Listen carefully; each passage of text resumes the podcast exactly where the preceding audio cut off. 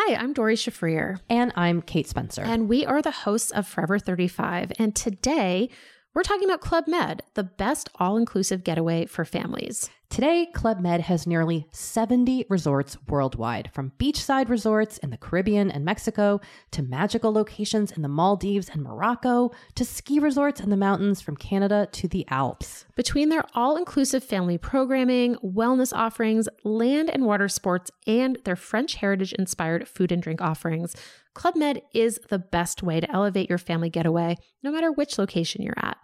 To learn more, visit clubmed.us.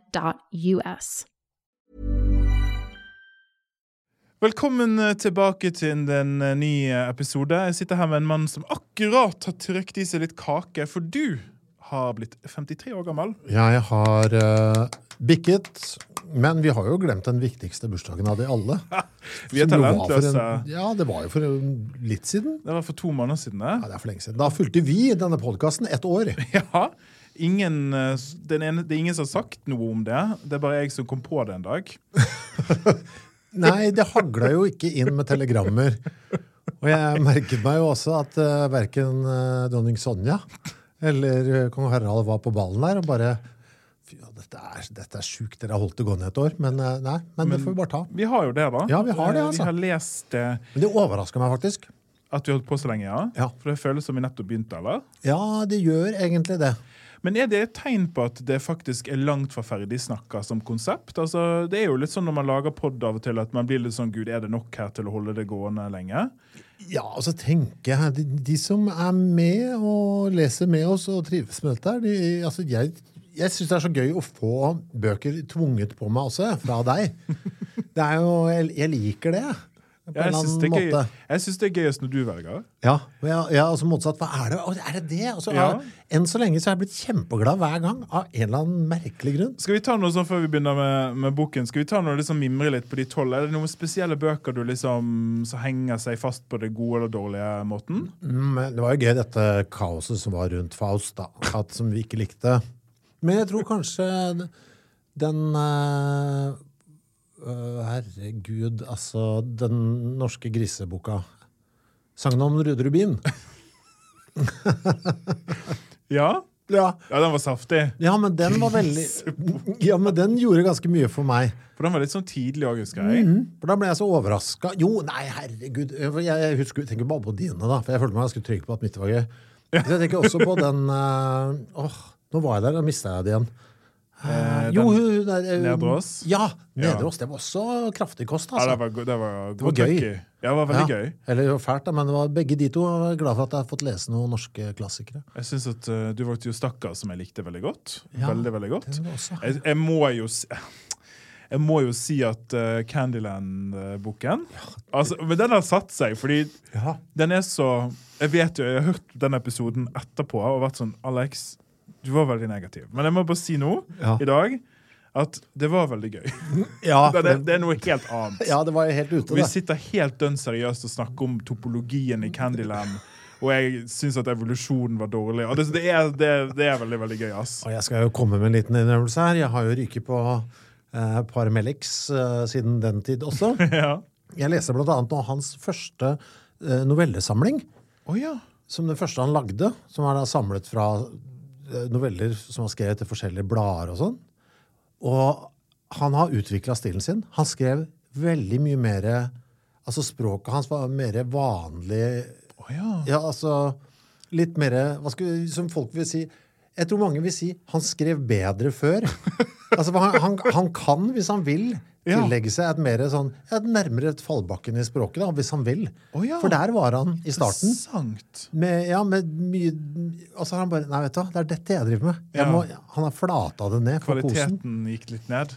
Ja, alt ettersom hvordan man velger å se det. Ja, det er det, da. Det er det, Ja. da. Men den var liksom eh, Jeg, jeg syns det var veldig gøy. Og jeg tror av de tolv bøkene, nå er det jo 14 faktisk, som vi har kommet til her, Mm. så er det ingen jeg angrer på å ha lest. Ikke jeg heller. Til og med Faust. Ja, ja, jeg er nei. veldig glad vi leste Faust. Kjempebra. Nå kan jeg snakke om den med tyngde. Og det er jo den beste episoden vår, syns jeg. Ja, når vi er misfornøyde. Men vi skal prøve å unngå det. Altså, Vi gjør alt vi kan for å finne gode bøker, folkens. Bare så det er klart. Men jeg trodde jo den var god. Ja, jeg òg. Og det trodde jeg faktisk de første 25 sidene òg. Ja, og så rakna det. Altså. Men eh, vi er altså, det er ingen tegn her på at vi slutter med dette. Overhodet ikke. Vi har begynt å få bookinger ut i 2024, vi, så det betyr at eh, mest sannsynligvis havner vi på to år og tre år, hvem vet. Ja.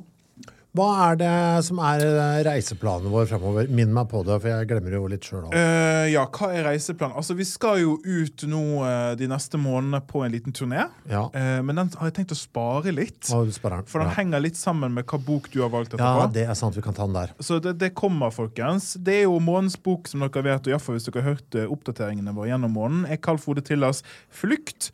Eh, et minimalistisk cover, vil jeg si. Tiltalende. Ja.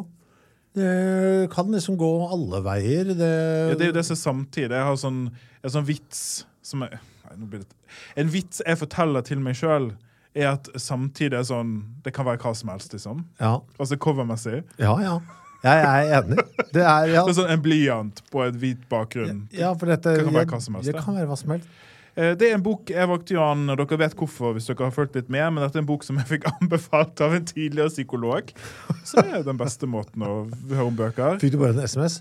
Alex, nå har ikke vi snakket sammen på lenge. Jeg vil virkelig anbefale deg å lese Flukt. Det var under en eh, terapisesjon der vi snakket om familie. Var det det? Ja, og det passer veldig bra Ja, med det, det. ok, da skjønner jeg. Ja, fordi at Psykologen sa at, eh, at du må lese Carl Frode Triller fordi at han er så god på, på familiepsykologi. Det er, det. Og det er han. Det, er, det er jo det han er her òg. Jeg må ta det før jeg glemmer det. Jeg lovet å si det forrige gang at jeg skulle fortelle om da jeg sendte mail til Carl Frode til. Ja, ja, ja, det er jeg spent på. Det, er, det er ikke verdens villeste historie på noe som helst vis. Nei. Men jeg er bare veldig glad for at jeg gjorde det. For jeg brukte ganske lang tid jeg, på å lese noe av Tiller i det hele tatt. Mm, Jeg begynte med innsirkling. Ja, Trilogi der. Ja, så jeg begynner med eneren, selvfølgelig. Ja, mhm. Og det tok litt tid før jeg ville lese den. Jeg nektet egentlig å lese den veldig lenge. Jaha. Og grunnen til det Nå skammer jeg øh, Jeg kommer til å skamme meg kjempemye over det jeg skal si nå. Og det var derfor jeg også skammet meg så mye at jeg sendte en mail til Carl Frode Tilly. Jeg nekta å lese ham, fordi jeg syntes han så så dum ut på bildet. Det var grunnen! Ja, ja Ok. ikke, Men han gjør ikke det her. Ikke sant? Han hadde et annet sånn byline-bilde i gamle dager. Ja. Og da hadde han, for da syns jeg han så for lik ut, sånn som den derre malingreklamen. Men det, vet du ikke, det er sånn reklame for sånn gammel maling med en fyr som har sånn, der, sånn fippskjegg. Og Ja. noe sånn. Han hadde litt mer, han kunne se litt ut som han, han maletegninga i gamle dager. Okay. Og da tenkte jeg, det gidder ikke jeg lese, ass. En fyr som ser ut som en, ser som en reklame for maling. Og det er jo helt hårreisende dårlig av meg. Ikke sant? Det er veldig rart. Kjemperart. Og, og helt ute. Jeg, jeg sa det jo aldri til noen heller. Dette var noe jeg holdt for meg selv. Og så leste jeg det, elsket det, og så skammet jeg meg og tenkte fy faen, du er et dårlig menneske, Chris. Hva er det du driver med? Og fordi han ligner på en maling, så skal du ikke Han gjorde jo egentlig ikke det heller. Jeg hadde bare fått det for meg. ikke sant? Helt ute. Det er helt ute. Det er helt ute. Hva skrev du i mailen? da? Da- Nei, jeg skrev jo ikke det med malinga. Det gjør okay. jeg ikke. Men, men da, jeg ble helt slått i bakken av hvor fett uh, Ja. jeg syns det var. Så jeg bare, bare skrev en, eh, bare, jeg akkurat lest boka di, elska det, helt fantastisk, bla, bla, bla. bla, Mm. Uh, sånn, takk for meg, ha det bra. Uh, kort og konsist. Ja. Da fikk jeg, fikk jeg svar eh, fra Carl Frode. Han syntes det var pussig at jeg hadde sendt ham en mail. Fordi de hadde en gullfisk hjemme som datter hadde gitt navnet Kristoffer Schou. Herregud. Og så skrev jeg et eller annet det tilbake. Og så da, etter det så var vi, tror jeg vi begge to skamma seg så fælt. Jeg synes det var så flaut det vi drev på med. At vi, så vi har, vi har aldri snakket sammen siden. Det var to mailer fra meg, to mailer fra han. Slutt. Var ikke det veldig rart? Det Så vi har, vi har et forkvaklet forhold, Carl Frode Og jeg. skambelagt! Ingen av oss har møtt Vi har aldri møttes heller. Det håper jeg dere gjør en Ja, gang. det er så to magneter som bare Ja, jeg håper jo egentlig jeg òg. Det som er gøy for meg med han, si det også, er at han har født akkurat samme år Ja, det som så jeg. det så jeg. Ja. Altså Det med å Kalfode sitt uh, bilde han, han ser jo veldig ut som en vis mann. Han er en vismann. Ja, og det, ja, og det jeg, Før vi går videre, nå vil jeg jo bare snakke om det her, selvfølgelig, men det er veldig rart at du liksom Det er veldig rart hva basis du lå i det bildet, og hva Helt slags ute. Jeg orker ikke. Hvorfor var jeg sånn? Jeg, var, jeg er ikke sånn nå lenger. Jeg skjerpa meg. Jeg er blitt eldre. Gudskjelov. Noen- 53 er jeg blitt. ja. Nei, men det, det er fint. Jeg ja. Men jeg skal vel si noe om det. For meg så er det litt sånn når jeg ser at han er født akkurat samme år som meg, Ja. så går jeg inn i boka Dette er visst en stund, altså. Men da, da vet jeg at ok, alle hans referanserammer er like som mine. Så hvis han slumper til å nevne noe Han har ikke gjort det i noen bøker ennå. Men hvis han skulle slumpe til å nevne noe om uh, Kurt Cobain, ja, okay. så vet jeg at han var like gammel. Altså, Da vet jeg hvordan han opplevde disse tingene mens det sto på, osv. Det er rart, men det, er, det føles litt sånn godt òg. Vite at det er en forfatter som er kliss like gammel som meg. Ja, det er jo en forfatter. Jeg har jo ikke lest noe av han. Du har jo Nei, gikk jo i- debuterer du her? Ja, dette er min første Tiller-bok. Eh, på tross av at det ble anbefalt for 20 år siden holdt på å si, av en psykolog. Og så nekta du fordi han så ut som en maler. Nei, nei, det er bare helt tilfeldig at jeg ikke leste noe av han. Men det har alltid ligget der som en sånn han må sjekke ut, han må sjekke ut. Eh, og det er jo eh, Jeg har jo ikke blitt skuffa, men det kommer vi jo til. Jeg har lyst til å begynne med noe som jeg har fnist så fryktelig av, og det er sitatet som vi begge hater. Ja, mm, det snakka vi om begge to. På de der, jo, det, det skal dere vite, folkens. Når vi spiller inn de her underveisepisodene, så er det ingen som snakker sammen. Så jeg hører jo, jeg hører jo på det som en normal lytter, liksom. Ja. Men du, du sier i din, eh, det var din første episode her eh, i, om denne boken at du syns ikke det er noe vi skal begynne med. Og da, da lo jeg altså så krakilsk. Jeg tror jeg var på vei til Bosshuset, altså søppelhuset. Som er også litt sånn poetisk, på en måte. Og jeg lo og lo av det. For jeg synes jo også at, at når, jeg, når jeg åpner boken og ser sitatet, så er det sånn Really? ja, Så ja, snakker altså- litt, Hva er det med sitatene som ja, er jeg så jeg, provoserende? Nå skal jeg lese deg. Ja, det er det jeg tenker, sant? Jeg, men jeg, vet, du- jeg, jeg er ikke interessert i dine Nei, jeg vil lese boka di, jeg. Ja. Altså- ikke, ikke liksom at du Og så er det noe sånn der eh, Er noe litt sånn skolestil VGS. eh. Ja, jeg har, vært, jeg har gjort de greiene her sjøl, jeg. Ja, jeg har Altså. begynt med masse sitater, men jeg sluttet med det da. Ja, jeg har også gitt meg med det, for jeg syns jeg blir flau, da. Ja, ja ok, fint. Ja. Eh, de som hørte på min eh, første litt sånn ekstra innklemte episode her, de hørte at jeg eh, begynte å lese boka uten å ha åpnet den, og sa det jeg tenkte underveis. Og det komiske der er at da var det jo ganske klart at jeg skjønte Ja, jeg gikk rett i alle fellene han satte opp, jeg. Ja, på side åtte der.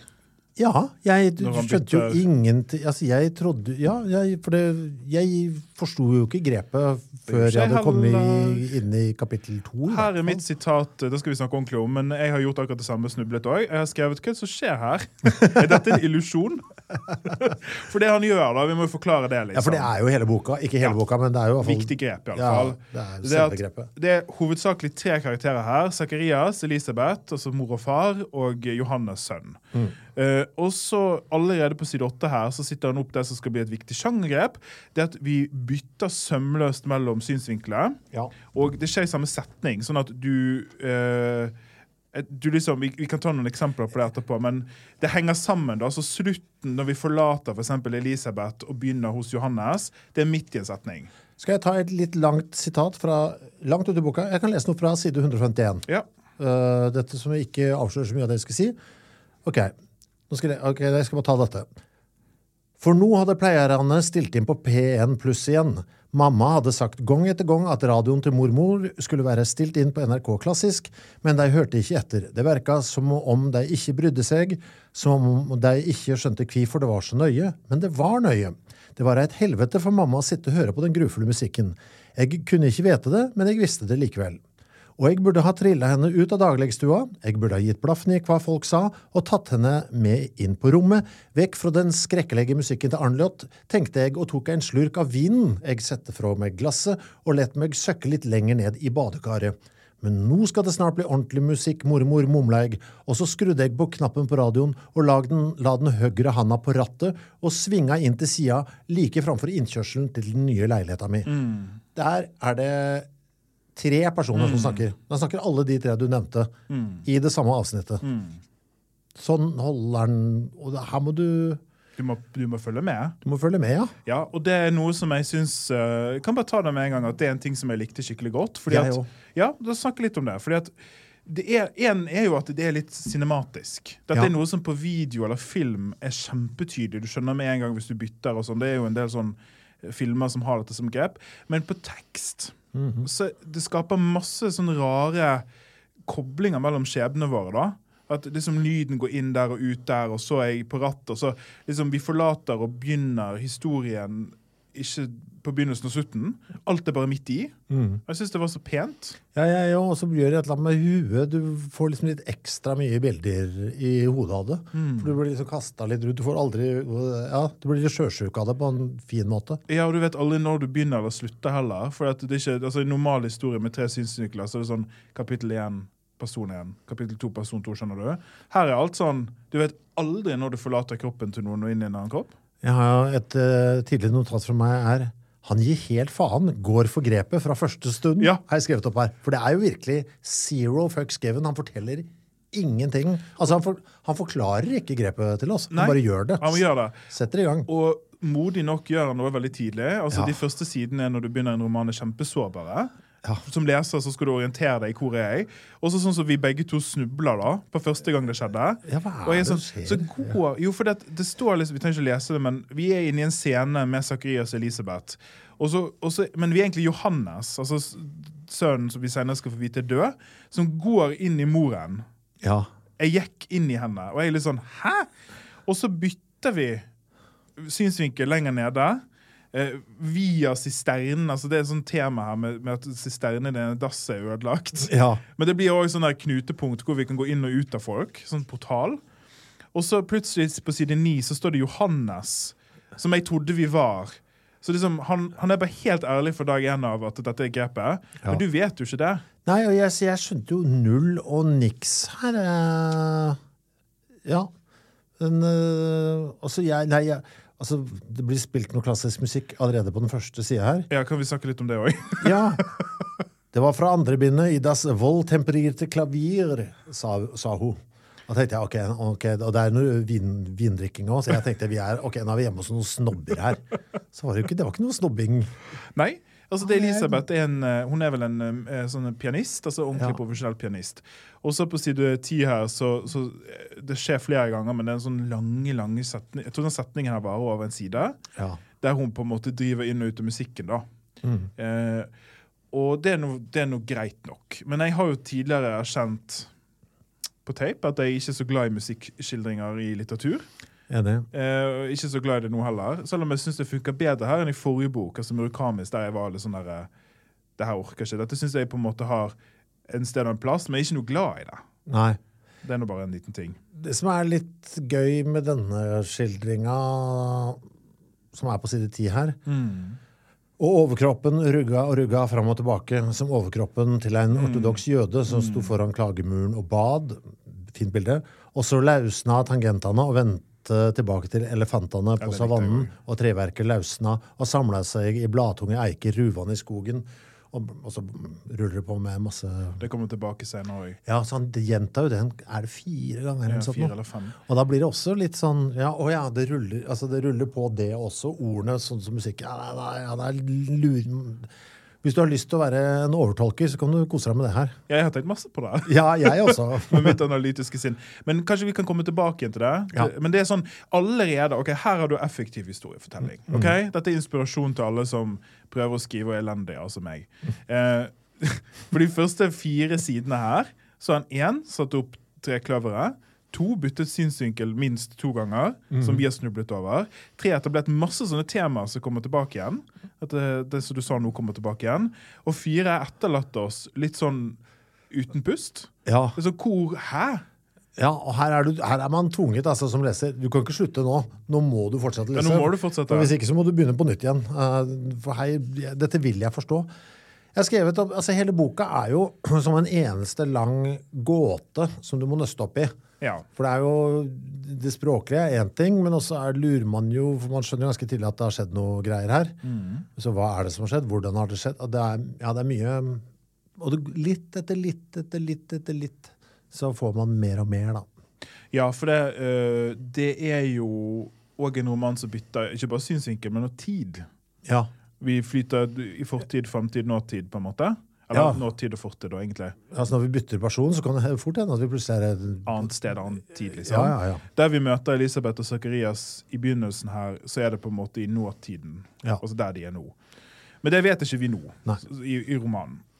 Eh, jeg har masse, altså Det som jeg har kost meg aller mest med, og det skal jeg ha masse eksempler på, det er jo psykologien. ja. Altså Min tidligere psykolog hadde helt rett. Dette er et glitrende portrett av mennesker, og mennesker på sitt verste ofte. ja. Eller iallfall deler av de på sitt Hvilken side er det du har tenkt deg på nå? Nei, Nå er jeg bare på side 15, bare der. Ja, for jeg har noe på side 14. Jeg tar det først, da. Jeg skal bare si, for det eh, Jeg har bare et notat her. På, altså, det er to ting på side 14. For det første, på slutten så står det Jeg bøyde meg att og fra, bla, bla, bla. Eh, jeg satt der og rugga fram og tilbake som en ortodoks jøde som sto foran altså, Den kommer allerede Ja, der. Ekko. Og det er også litt lurt også. Ja, så han bare minner på at dette må du bare venne deg til. Ja, og så du som leser litt sånn, han har en plan. Ja, For da skjønner du at å ja, Det er det handler om noe. At ting gjentar seg. Ja. Det er lurt å gjøre det så fort. Nei, jeg har bare kommet, jeg notat i margen. Meget tillersk. Mamma da, sa jeg. Jeg åpna øynene og så på henne igjen. Slutt å dobbeltkommunisere, vær så snill. Hun forsto naturligvis hva jeg mente, men hun let som om hun ikke gjorde det. Hun løfta øyebryna. Du sier at du forstår, men blikket og ansiktsuttrykket ditt forteller noe helt annet, sa jeg. For dette her er en i et nøtteskall for meg. Ja, ja, ja. Han sier det, men mener han egentlig det? Og så vil jeg vil ikke at han skal tro at jeg er og sånn. Dette, dette liker han. Han er ja. god på. Jeg har et annet eksempel på det rett etterpå. Der vi er nå, nå, har vi, nå er vi i fortiden igjen, der eh, vi, Zakarias, eh, altså vår mannlige hovedkarakter, eh, møter moren sin. Og dette er en roman med masse ødelagte foreldre. Ja. Men det er bare, så, bare sånn, du trenger ikke egentlig vite noe mer om, om det annet enn det som jeg skal lese nå, som et eksempel på hvordan ja, du sier til Ask at liksom, det er fryktelig mye kommunikasjon, og veldig voksen kommunikasjon, og ikke alltid veldig bra kommunikasjon. Det er en sånn utveksling her øverst på side 15. Hun så på meg og smilte det tapre smilet hun av og til smilte når jeg stilte henne akkurat det spørsmålet. Et spørsmål som ikke er så viktig. Jo da, det går da på et vis, sa hun og vagga litt på hovedet. Jeg nikka. Det kan jo bli litt lange dager, så, klart, sa hun. Men uh, det er vel en del, del av det å bli gammel. La hun til. Og så lo hun en kort, trist latter. Jeg tok en styrk kaffe. Det burde gjøre alvor av det å bli med i den trimgruppa du snakker om, sa jeg. Hun lo den triste latteren igjen. Ikke, sa jeg. Hun så på meg. Hun virka nesten litt fornærma. Jeg greier det jo ikke, Zakaria, sa hun. Du veit da det, jeg har ikke kne til det lenger. OK, sa jeg. Altså Det er en liten, liten mikroskopisk utveksling mellom mennesker. Ja. Og det ligger så fryktelig mye i det. Han er god på de greiene her, altså. Og ja, for det, det, som jeg, det som jeg elsker med det, er jo liksom Altså, hun smilte det tapre smilet. Ja, OK, så noen, det er noen martyrgreier her, sant? Ja. Eh, Det går på et vis, hun og vagga litt på hodet. Ja, det, det er helt åpenbart at hun egentlig ikke syns det går noe bra, men hun sier det. Det kan bli litt lange dager, så klart. Ja, ok, Så hun er ensom. Altså, Hver eneste setning her har så mye mye, mye mer enn det som blir sagt. Og det at, um, at han, han, han parerer hun med ensomheten med å si at hun skal bli med i den trimgruppen. Altså Han prøver å være god med henne. sant? Ja. Du må, nå må du komme deg litt ut, du må være med andre folk. Og så ler hun den triste latteren sin. Og så er det, for det ja, for Hun snakker jo om at hun har lyst til å flytte her. ja, det, det har jeg merka òg. Ja, for det jeg også var veldig. Jeg er tenker mer og mer på å flytte tilbake til Namsos. Og så, og så sier han eh, ja, ja, det var ikke så dumt. Jeg så med en gang at det ikke var det hun ville høre. Hun hadde vel sett for seg at jeg skulle reagere med å bli lei meg over flytteplanene. At jeg skulle bli skuffa og kanskje forsøke å snakke henne bort fra å flytte. Men det er jo veldig synd for oss om du flytter her tilbake, da, sa jeg. Hun satt fremdeles vendt mot vinduet. Hun smilte slik han gjør når han vil fortelle at han har hørt noe dumt. Det blir vel ikke så veldig annerledes for dykk, akkurat, sa hun. Ja, Å, herregud. Altså, Jeg merket akkurat det samme her. Ja, det derre passiv, det passiv-aggressive, det er han Ja, god på. ja, det er god på og dobbeltkommunikasjon og trippelkommunikasjon. Ja. Og det, at- det syns jeg er så bra, det skal vi ha masse eksempler på senere, at dette er voksne mennesker som òg vet spillet den andre spiller. Ja. Altså, det er et sånn sjakkspill hele tiden med at du sier én ting som betyr noe annet. Den andre personen vet det, vil ikke adressere det, og isteden kommer med et mottrekk. Den andre personen tar mottrekket, og så er det noe som foregår Du du vet, og det er jo veldig gjenkjennelig. Det slo meg egentlig først nå. Er, hver gang noen møter Altså det at mennesker møtes, er et problem i denne boka. For hver gang de møtes, så er det det er, det er Mennesker som møtes, det er konflikt. Av en eller annen sort. Ja, og, og iallfall uh, i nære relasjoner. Ja. Det, er sånn, det, det er en um, hvis du som meg for eksempel, har en, hatt en del vanskelige relasjoner opp igjennom, så blir du bare sittende sånn hele tiden på sånn Ja, Ja. ja her er ti ting som minner meg om akkurat det som skjer her. på en måte. ja. Som kan òg være litt herjende. Altså, jeg altså, Nå er jeg Allerede nå vet jeg ikke når i boka man skjønte uh... Side 22 skal jeg nå, det er når vi får vite hva som har skjedd. Ja, for der, ja, jeg har liksom begynt å skjønne. Ja, på side 21 er Ja, for der sto det første gang, ja. Ja, at uh, Altså, det vi får Johannes, som nå var borte, drepne i ei trafikkulykke. Ja. Forvandla til det ugjenkjennelige i løpet av et hundredels sekund. Ja. Et halvt år siden nå. ja. Og det, det, det er på side 21, og da tenkte jeg åh, yes, en puslespillbrikke. Nå, Nå. Nå, nå kan jeg i hvert fall være med litt. Ja. Han, han er jævlig god på å posi- porsjonere ut åte. Mm. Ah, der, ja. Den trengte jeg nå. Takk. Takk, Carl Frode. Ja, for det har jo ligget og ulma Ja. i interaksjonen mellom Elisabeth og Zakarias. De er veldig rare med hverandre når du ikke vet dette. Ja. Og så kommer det inn, og så eh, er, jo det, det er jo på en måte det denne romanen handler om. For det er jo det som skjer i det første kapitlet. Det skjønner jeg først rundt nå. At jeg har, for nå har jeg skjønt grepet med å hoppe, at de bytter litt på personer og sånn. Og, for det var jo da julaften. Det er det som skjer i kapittel 1. At Elisabeth og Zakarias møtes. Eller de er sammen. da til, ok, De har tydeligvis ikke vært sammen på en stund. Ja, De har liksom skilt seg, da. Ja, Og så er det et tilbud om å overnatte, men de skal ikke ligge sammen. Ja, det er masse greier. Ja, og nå, først nå så begynner jeg å skjønne hvorfor. Fordi det er tydelig at sønnen da har dødd. Ja, For seks måneder siden. Ja. Eh, det som jeg synes er veldig bra på side 22 altså Dette er jo en forferdelig ting som har skjedd med dem, selvfølgelig. Ja. Eh, jeg liker at det er så vokst Altså Zakarias sin reaksjon er så voksen og, og fæl. Ja. Den er så realistisk. altså Vi trenger ikke å lese det, men han, han- når liksom Elisabeth sitter og tenker på eller forklarer hvordan Zakarias takler det her, da De tar jo det på veldig forskjellig måte, de to. Elisabeth imploderer litt, på en måte. eh, Og hun har et alkoholproblem, som blir mye verre. Zakarias begraver seg i det.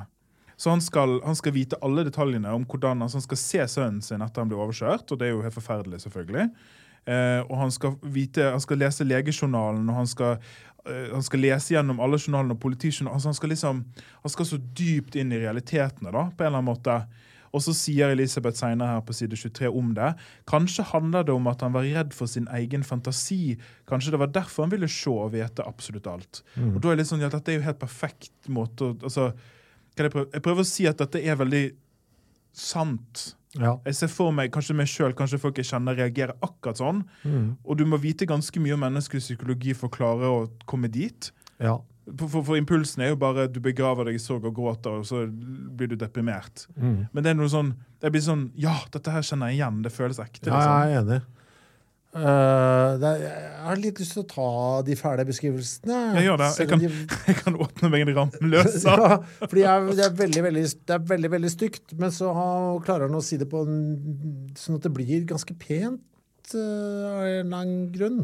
Jeg bare, ja, for han har jo da går og ser på sønnen sin som har blitt påkjørt. Dette, nå kommer det forferdelige formuleringer her, så ikke skru av lyden hvis du ikke orker. Um, uh, Johannes kom til syne. Ansiktet hans eh, fikk meg til å tenke på når han klemte hardt på ei dokke av gummi. Den venstre halvdelen var trykt inn. Auget lå langt inni hovedet som av en mynt på bunnen av en ønskebrønn. Uh, panna hadde et djupt søkk midt på, og opp av håret stakk to spisse, hvite potteskårlignende deler av hovedskallen, som om han var i ferd med å gro ei kongekrone. Og det synes jeg bare det er så kongekrone, ønskebrønn. Han dytter inn sånne pene ting. Ja, brønnen er jo viktig seinere. Den mannen i brønnen som han er besatt av. Ja, Ja, det er Profesjonelt. ja. Og så dette med, med denne dukken som, av gummi. Det er et bilde som jeg tror alle kjenner igjen fra barndommen. Mm. Eh, og så òg det der med eh, Ja, den, den kronen. Det er veldig sånn barnebursdag. ja. Eh, ja, jeg er helt enig. Det er masse der. Er kjempe jævla gode valg, og den der kontrasten med det stygge og det fine. Han er, han er fin her, altså. Likte, jeg likte det veldig godt. Jeg fikk gåsehud. Ja, jeg likte det kjempegodt, selv om det var helt jævlig. Ehm, ja, hvor skal vi gå videre, du? Hvilken var ditt neste notat? Mitt neste notat er på 25. Mm -hmm. uh, jeg bare ler av meg sjøl. er har, du skrevet, det- har du skrevet det i boka? Ja, fordi det som jeg gjør når jeg, eh, når jeg leser boken, så lar jeg den ofte ligge en stund, og så går jeg gjennom boken før vi skal møtes. Og da ofte på Post-It-ene så skriver jeg en sånn kort kommentar eller hva det er dette handler om. liksom. Uh, Jeg har bare skrevet helt portrett, som ikke var så lett å forstå likevel. Men jeg tror, eh, jeg tror det jeg skal snakke om her, er dette med eh, Ja, det er det med broren til, eh, til Elisabeth. Ja. Så eh, både Elisabeth og Zakarias har på en måte altså eh, Zakarias har en søster Judith, og Elisabeth har en bror Robert. Og som alle relasjoner i denne boken, ingen av de er spesielt gode. Og så er det sånn, Dette er første møtet vårt med Robert. Ja. Og så er det sånn, du, Hvordan kan du fortelle veldig mye på veldig liten plass? Eh, Kan jeg bare ta det? Det er fra side 25 nederst, og så litt over på neste side. Så nå skal de, de skal egentlig besøke moren, da. eh, For det er julaften. Alt handler jo om jul. Ja. Som sitter, Hun er blitt dement eller eh, ja, hun er, Katatonisk, liksom. Ja, hun er dement. I rullestol, ja. Mm. Eh, Jeg er klar, sa jeg. Jeg mangler, mangler bare sko og ytterklede. Han ble stående og se på meg uten å si noe i et par-tre sekunder. Bare det. sant? Ja. Bare stå og betrakter. Eh, du skal vel vaske deg og pusse tennene før vi drar, sa han, og greie håret. Jeg kjente irritasjonen vokse enda mer, men jeg greide å holde på smilet. Jeg greide til og med å le litt. Sa jeg noe artig, sa han. Ja, faktisk, sa jeg. Ja vel, sa han. Jeg rista på hodet. Ikke alle kvinner er interessert i å leve opp til det kvinneidealet du har, Robert, sa jeg. Han lo et kort og hardt hø. Det trenger du ikke fortelle meg, sa han. Glade jul, sa jeg. Hæ, sa han. Jeg rista på hodet og smilte slik en gjør når en vil si at det ikke var noe. Har du kaffe, sa han. Jeg er tom, sa jeg, selv om jeg hadde skapet fullt av kaffe. Vi kan bare stoppe der. For det, den setningen er perfekt. Han er god på dialog! Og så det der kaffegreiene er så kjempeviktig, Ja, for at ja, ja. Elisabeth straffer de hun, ikke, de hun er sint på med kaffe. Det er sånn scene senere vi kommer til det. Nei, du må ta videre. Ja. Har, du, har du kaffe, sa han. Jeg er tom, sa jeg, selv om jeg hadde skapet fullt av kaffe. Vil du ha en kopp te i stedet? la jeg til, vel vitende om at han ikke kunne fordra te. Jeg drikker ikke, drikker ikke te, sa han. Gjør du ikke, sa jeg, naturligvis for å fortelle at han ikke var interessant nok til at jeg, jeg gikk rundt og hugsa hver minste ting som han hadde med å gjøre. Han så surt på meg. Det veit du da? Nei, det visste jeg ikke, sa jeg. Er det er så spist, vet du. Julaften, og så er det julaften i tillegg. Spist og vondt. later som, later som hun ikke har kaffe. Vet at han ikke liker te. Tilbyr han te. Later som om hun ikke vet det. Han vet at hun vet at han vet. Altså, Gud bedre. Ja, Ja, det, men det det er også så effektivt òg, vet er veldig effektivt. For det, det er jo det er en relasjon som er ødelagt, liksom. Bare, altså, det som er deilig med Du kunne bare begynt å filme det. Altså, Manuset er ferdig. Ja, man, ja, dette er Det er jo jo bare For det er dialog. ut i dialogsform. Kjempebra. Og så uh, har vi jo norsk Det er som er litt rart nå, som leser på side 26, så vet vi jo uh, Elisabeth Sekarias, sønnen er død. Eh, vi vet at de feirer jul hver for seg. For her er hun i gang med å steke ribba aleine og skal møte broren og sånn. Men vi vet også at de kommer til å møtes Ja. senere på julaften. Mm. Så vi vet ok, så vi, vi har sånne bruddstykker. Vi er her og nå, akkurat på dette tilfellet, da, på vei inn i litt sånn respektive familieting på julaften. Mm. Vi er ikke helt sikre på alt det rundt sønnens dødsfall. Vi er ikke helt sikre på hvordan de skal slumpe til å møtes igjen på slutten av kvelden, for det skal de jo tydeligvis gjøre. Så det er sånn at Du har små sånne øyer av informasjon som du bare Og du hopper vet, imellom. du vet heller ikke hvorfor de slo opp. Altså hvorfor Elisabeth og Zakarias slo opp. Ja, hvorfor gikk det galt? Og hvorfor de ble sammen igjen der på slutten. Altså, det er helt riktig som du sier. Altså, vi som leser, Nå er jeg på side 26. Mm. Eh, vi som leser, eller jeg i alle fall, er jo dypt investert. Ja, ja, Fordi ja. Det er sånn, nå har jeg fått, det er jo det som er smart for- historiefortelling. Jeg får hele tiden nok til at jeg ikke blir sittende og, og liksom bare undre. Mm. Jeg føler sånn at vi går videre. Men jeg har masse spørsmål. Eh, og denne her eh, interaksjonen med Robert er litt sånn, ja Ja, sånn er det. I familien. Ja. Nei da. Jo da. Neste ting jeg har, er uh, 28 her. Jeg vet ikke om du har noe før? Nei, jeg har ikke noe før på er 33. Ja, ok. Jeg kan ta det litt raskt. Det er at I Tillers univers så er de fleste relasjoner sjakkspill. Ja. Og dette er et sånt eksempel på det eh, nederst på side 28, der som handler om liksom jeg, kan, jeg trenger ikke å lese det, men det er Robert igjen. De fortsetter det her passiv-aggressive sjakkspillet sitt. Det handler om at de skal besøke mora da, sant? På, på sykehjemmet. Og så sier på en måte Robert at han har nettopp vært syk, egentlig for å slippe unna noe annet. Og så tar Elisabeth den løgnen og sier at ja, hvis du nettopp har vært syk, så må du ikke besøke mamma, hun er gammel og skral. Og sånn. Og så må han roe seg ut av det. Og så tar hun han Altså, de, de driver bare hele tiden. Og altså maktkamp. Som er utrolig utmattende Ja. for de, selvfølgelig. Ja. Og òg for vi som leser, på en måte. Ja. Men det er jo sånn sånne maktkamper er hvis du har det i virkeligheten. Det er kjempeslitsomt. Ja, og det blir litt sånn ja, det, Jeg vet ikke. Det er overraskende sjelden man får det i tekst sånn som dette her, føler jeg. Ja, det er veldig filmseriete, Ja, kanskje. ja, for der kan man få det. Det er liksom for meg litt sjeldent i litteraturen. For da er det gjerne fra én persons ståsted, ikke skrevet Mm. ut som en Det blir liksom verre når du bare får det som en dialog. På en Ja. rar måte. For da ser du ser alle grepene så godt. Jeg vet ikke. Det er et Ja, ja. Veldig gjenkjennelig, i alle fall. Mitt neste er på 45, så du kan ta eh, Ja, nei, jeg hadde bare, egentlig bare et eksempel på stilen, var det jeg hadde der, men det har vi jo allerede tatt her. Eh, Hvis det er jeg, jeg, drikkelyder. jeg, jeg har noe på side 37 her. Ja, ta det. Jeg vet ikke hvorfor jeg, jeg måtte Ja. Jeg vet ikke hvorfor jeg merka det. Jeg orker nesten ikke ta det engang. Men det er han eh, det er Zakarias da, som er eh, hjemme hos mora si. eh, Som jo også er veldig krevende. Ja, det er krevende. Krevende dame. Jeg var redd du skulle, skulle følge opp med en eller annen trist kommentar om det å bli gammel, men det gjorde hun ikke. Hun begynte i stedet å snakke om hvor rimelig det var å klippe seg på senteret. Jeg kjente jeg ble overraska med det samme. Når hun snakka om priser, handla det alltid om hvor dyrt, ikke hvor billig det var. Og det var nesten så jeg ikke trodde det jeg hørte. Flinke og trivelige frisører har de også, sa hun. Men så bra da, sa jeg. Jeg så på henne og smilte. Jeg kjente meg plutselig litt lettere, litt mindre sliten. Mer skulle det ikke til. Ja, det er den, den siste der. Mer skulle ikke det til. Ja, og jeg kjenner meg sånn igjen i den situasjonen. Ja, ja, Du er i en sånn, 100%. du er i en sånn liksom vond en eller annen sånn vond prat. Og så bare sånn, og så bare, Oi, og der ja! Der fikk jeg en livbøye. Ja, jeg vet det. vet det, Så kaster du ut en redningsvest midt i samtalen. Den tar vi. Ja. Ja, la oss henge oss på den. Det er et eksempel etterpå òg, når han er hos moren. Ja. Veldig lignende. Men der, eh, der hun tilbyr han sodd. Altså, hun lurer han det, jeg, må, bare ta det, selv om vi Ja, hopper er litt. sant. Han, hun lurer han hjem til seg, Ja. men han vet det. Fordi at hun må ha hjelp til å bære opp ved. Altså skalkeskjul. Ja. Men hun er ensom. Det er derfor hun gjør det. Men han vil ikke. For Ja. det er vanskelig. Men så kommer han til henne for å bære opp den jævla veden. Men det står jo masse ved i stuen. Så det er sånn, ja ok, dette var jo bare et skalkeskjul. Og hun har en svak løgn om det. Og så har hun laget sodd, men han har spist. Men hun har et eller annet sånn morsinstinkt at hun må prakke på en mat, og han vet det, men han er kvalm. Bla, bla, bla.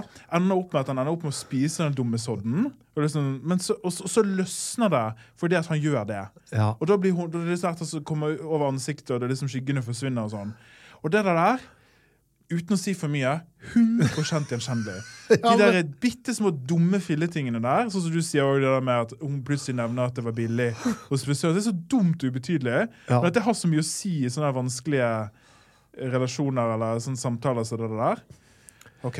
Ja, ja, ja, men det er, det, det, altså, det er kjempevanskelig å, forresten å snakke om denne boken 'Så skjedde det, så skjedde det'. For det hopper så fram og tilbake i ja, tid. der. ja, ja, ja. Så når vi nå Hopper selv, så er det på ja, grunn Vi blar oss gjennom boken nå, men plutselig så kommer vi til å måtte snakke om noe som allerede har skjedd Ja, det håper, jeg, det håper vi at dere tåler. Dere har jo lest den sjøl. Ja, Men denne har mange lest. Ja. Vi har jo vi har noen sånne spørreundersøkelser på Instagram. Denne har mange lest. Ja, bra. Eh, som det blir veldig spennende å høre hva dere syns her etter hvert. På side 45 har jeg min neste ting. ja, jeg har noe på side 42. Jeg tar den. Det som jeg synes var Nei, 41, mener jeg. Unnskyld. eh, Som jeg syns var skummelt. Jeg ble litt sånn nervøs når jeg leste boka. For her er jo da har skrevet Johannes også eh, i, med utropstegn. For er det Er det der han plutselig er med? Plutselig er han med! Ja, det er viktig. Det er faktisk veldig viktig. Uh, Altså, plutselig, Det er vel første gangen helt annet enn akkurat i begynnelsen, hvor vi er inne i Johannes. ja. Ja, for jeg, for jeg, jeg skrev til Johannes også spørsmålstegn, utropstegn. Ja, så det plutselig så er vi Er det- han Er det det med den hønen? Ja, for han har en hund. Bonzo. Eh, Kan jeg bare si en ting før du går videre? Det er at Jeg trodde at den hønen ikke vekte veldig lenge. ja. ja, man ble litt sånn usikker. Ja. Ja, men jeg skjønner hvorfor du gjør det. Men ja, Det er ikke, det er ikke Ja. så viktig, men det bare ja, ja. Det kan jeg skjønne at du tenkte. mm. Um, Johannes dette er noe, Gud vet om det er far eller mor som snakker til ham nå. Det vet, vet jeg ikke. Det husker jeg ikke nå. For det kan være begge. Jeg orker virkelig ikke at du Jeg trodde du hadde voks, vokse fra det der, sa han. Han så rett på meg og svelgde. Ja. Dermed så er vi inni inne i Johannes. Byttet, ja. Ja, når Shit, hæ? Vi er inne i Johannes. Eh, Han som er død. Eh, Og jeg så på han og smilte samtidig som jeg bøyde meg ned og hvilte hovedet mot nakken til Bonzo. Jeg kjente den mjuke pelsen mot kinnene, varmen for kroppen hans, han pesa, he-he, og hodet, hovedet mitt gikk opp og ned i takt med pesinga. Pappa så ned i gulvet og rista på ho ho hovedet. Han uh, sukka og så opp på meg igjen. Vi er nøyde til å dra nå, sa han, men når vi kommer hjem igjen, må du ha levert hunden tilbake til eieren. Der er det mye informasjon på kort tid. For det første, oi, vi skal få lov til å være inne i Johannes, den døde gutten, i løpet av boka. Hva er det med han? Driver han og stjeler bikkjer? Ja, ja, ja, ja, ja, Det var det Det første møtet vårt med han så-. Ja. Det første tingen vi får vite om Johannes, Ja. er at han har tatt en hund. Ja, Og at dette har skjedd igjen! Ja, altså, de sier jo sånn, dette Dette orker serial- seg. Serial tjuvradd av bikkjer.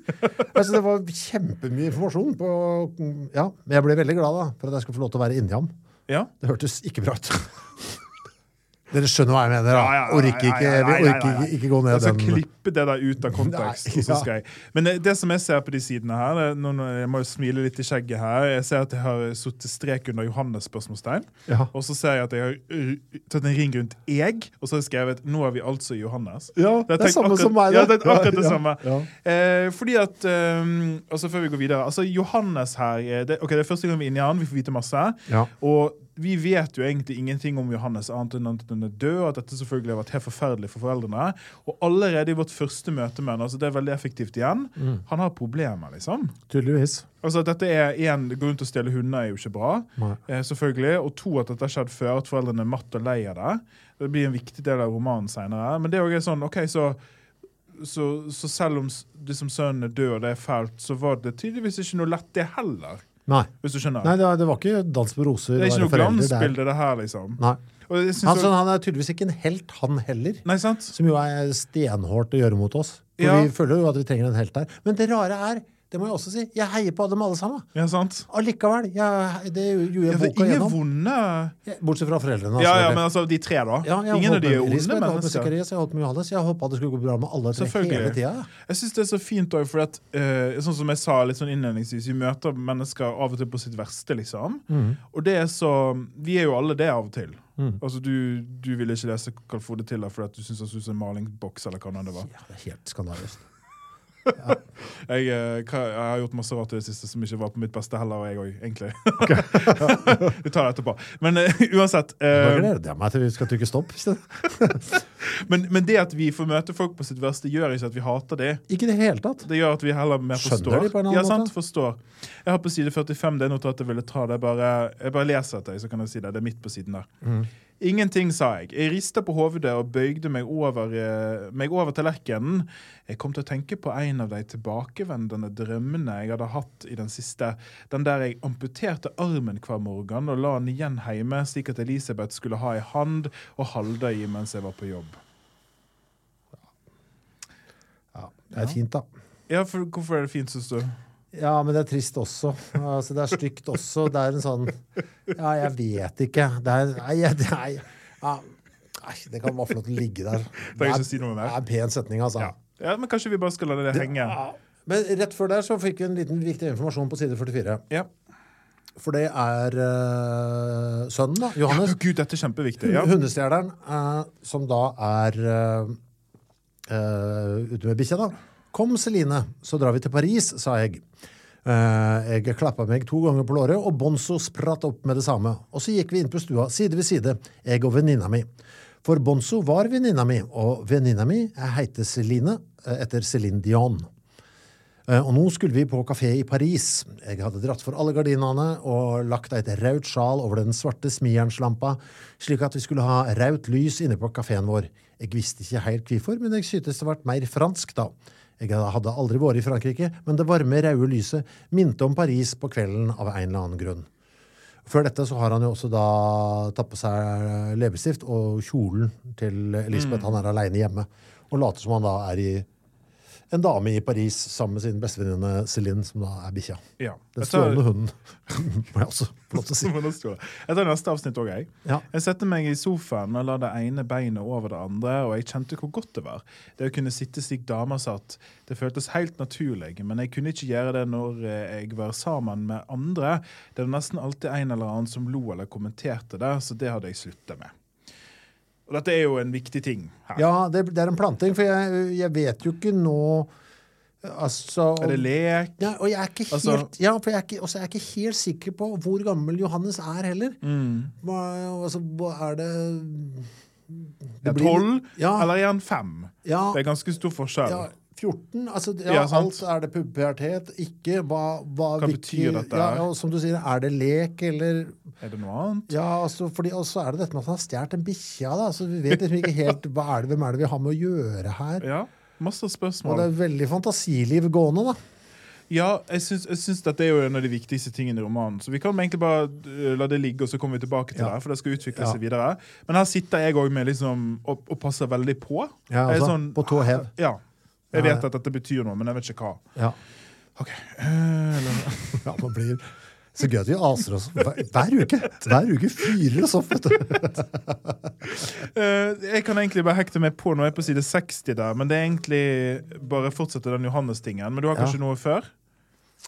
Jo, jo, det har jeg. For, Ja. Bare fordi jeg får, en informasjon som jeg ville ha, eh, som er relevant nå, Ja. på side 58. Ta det. Uh,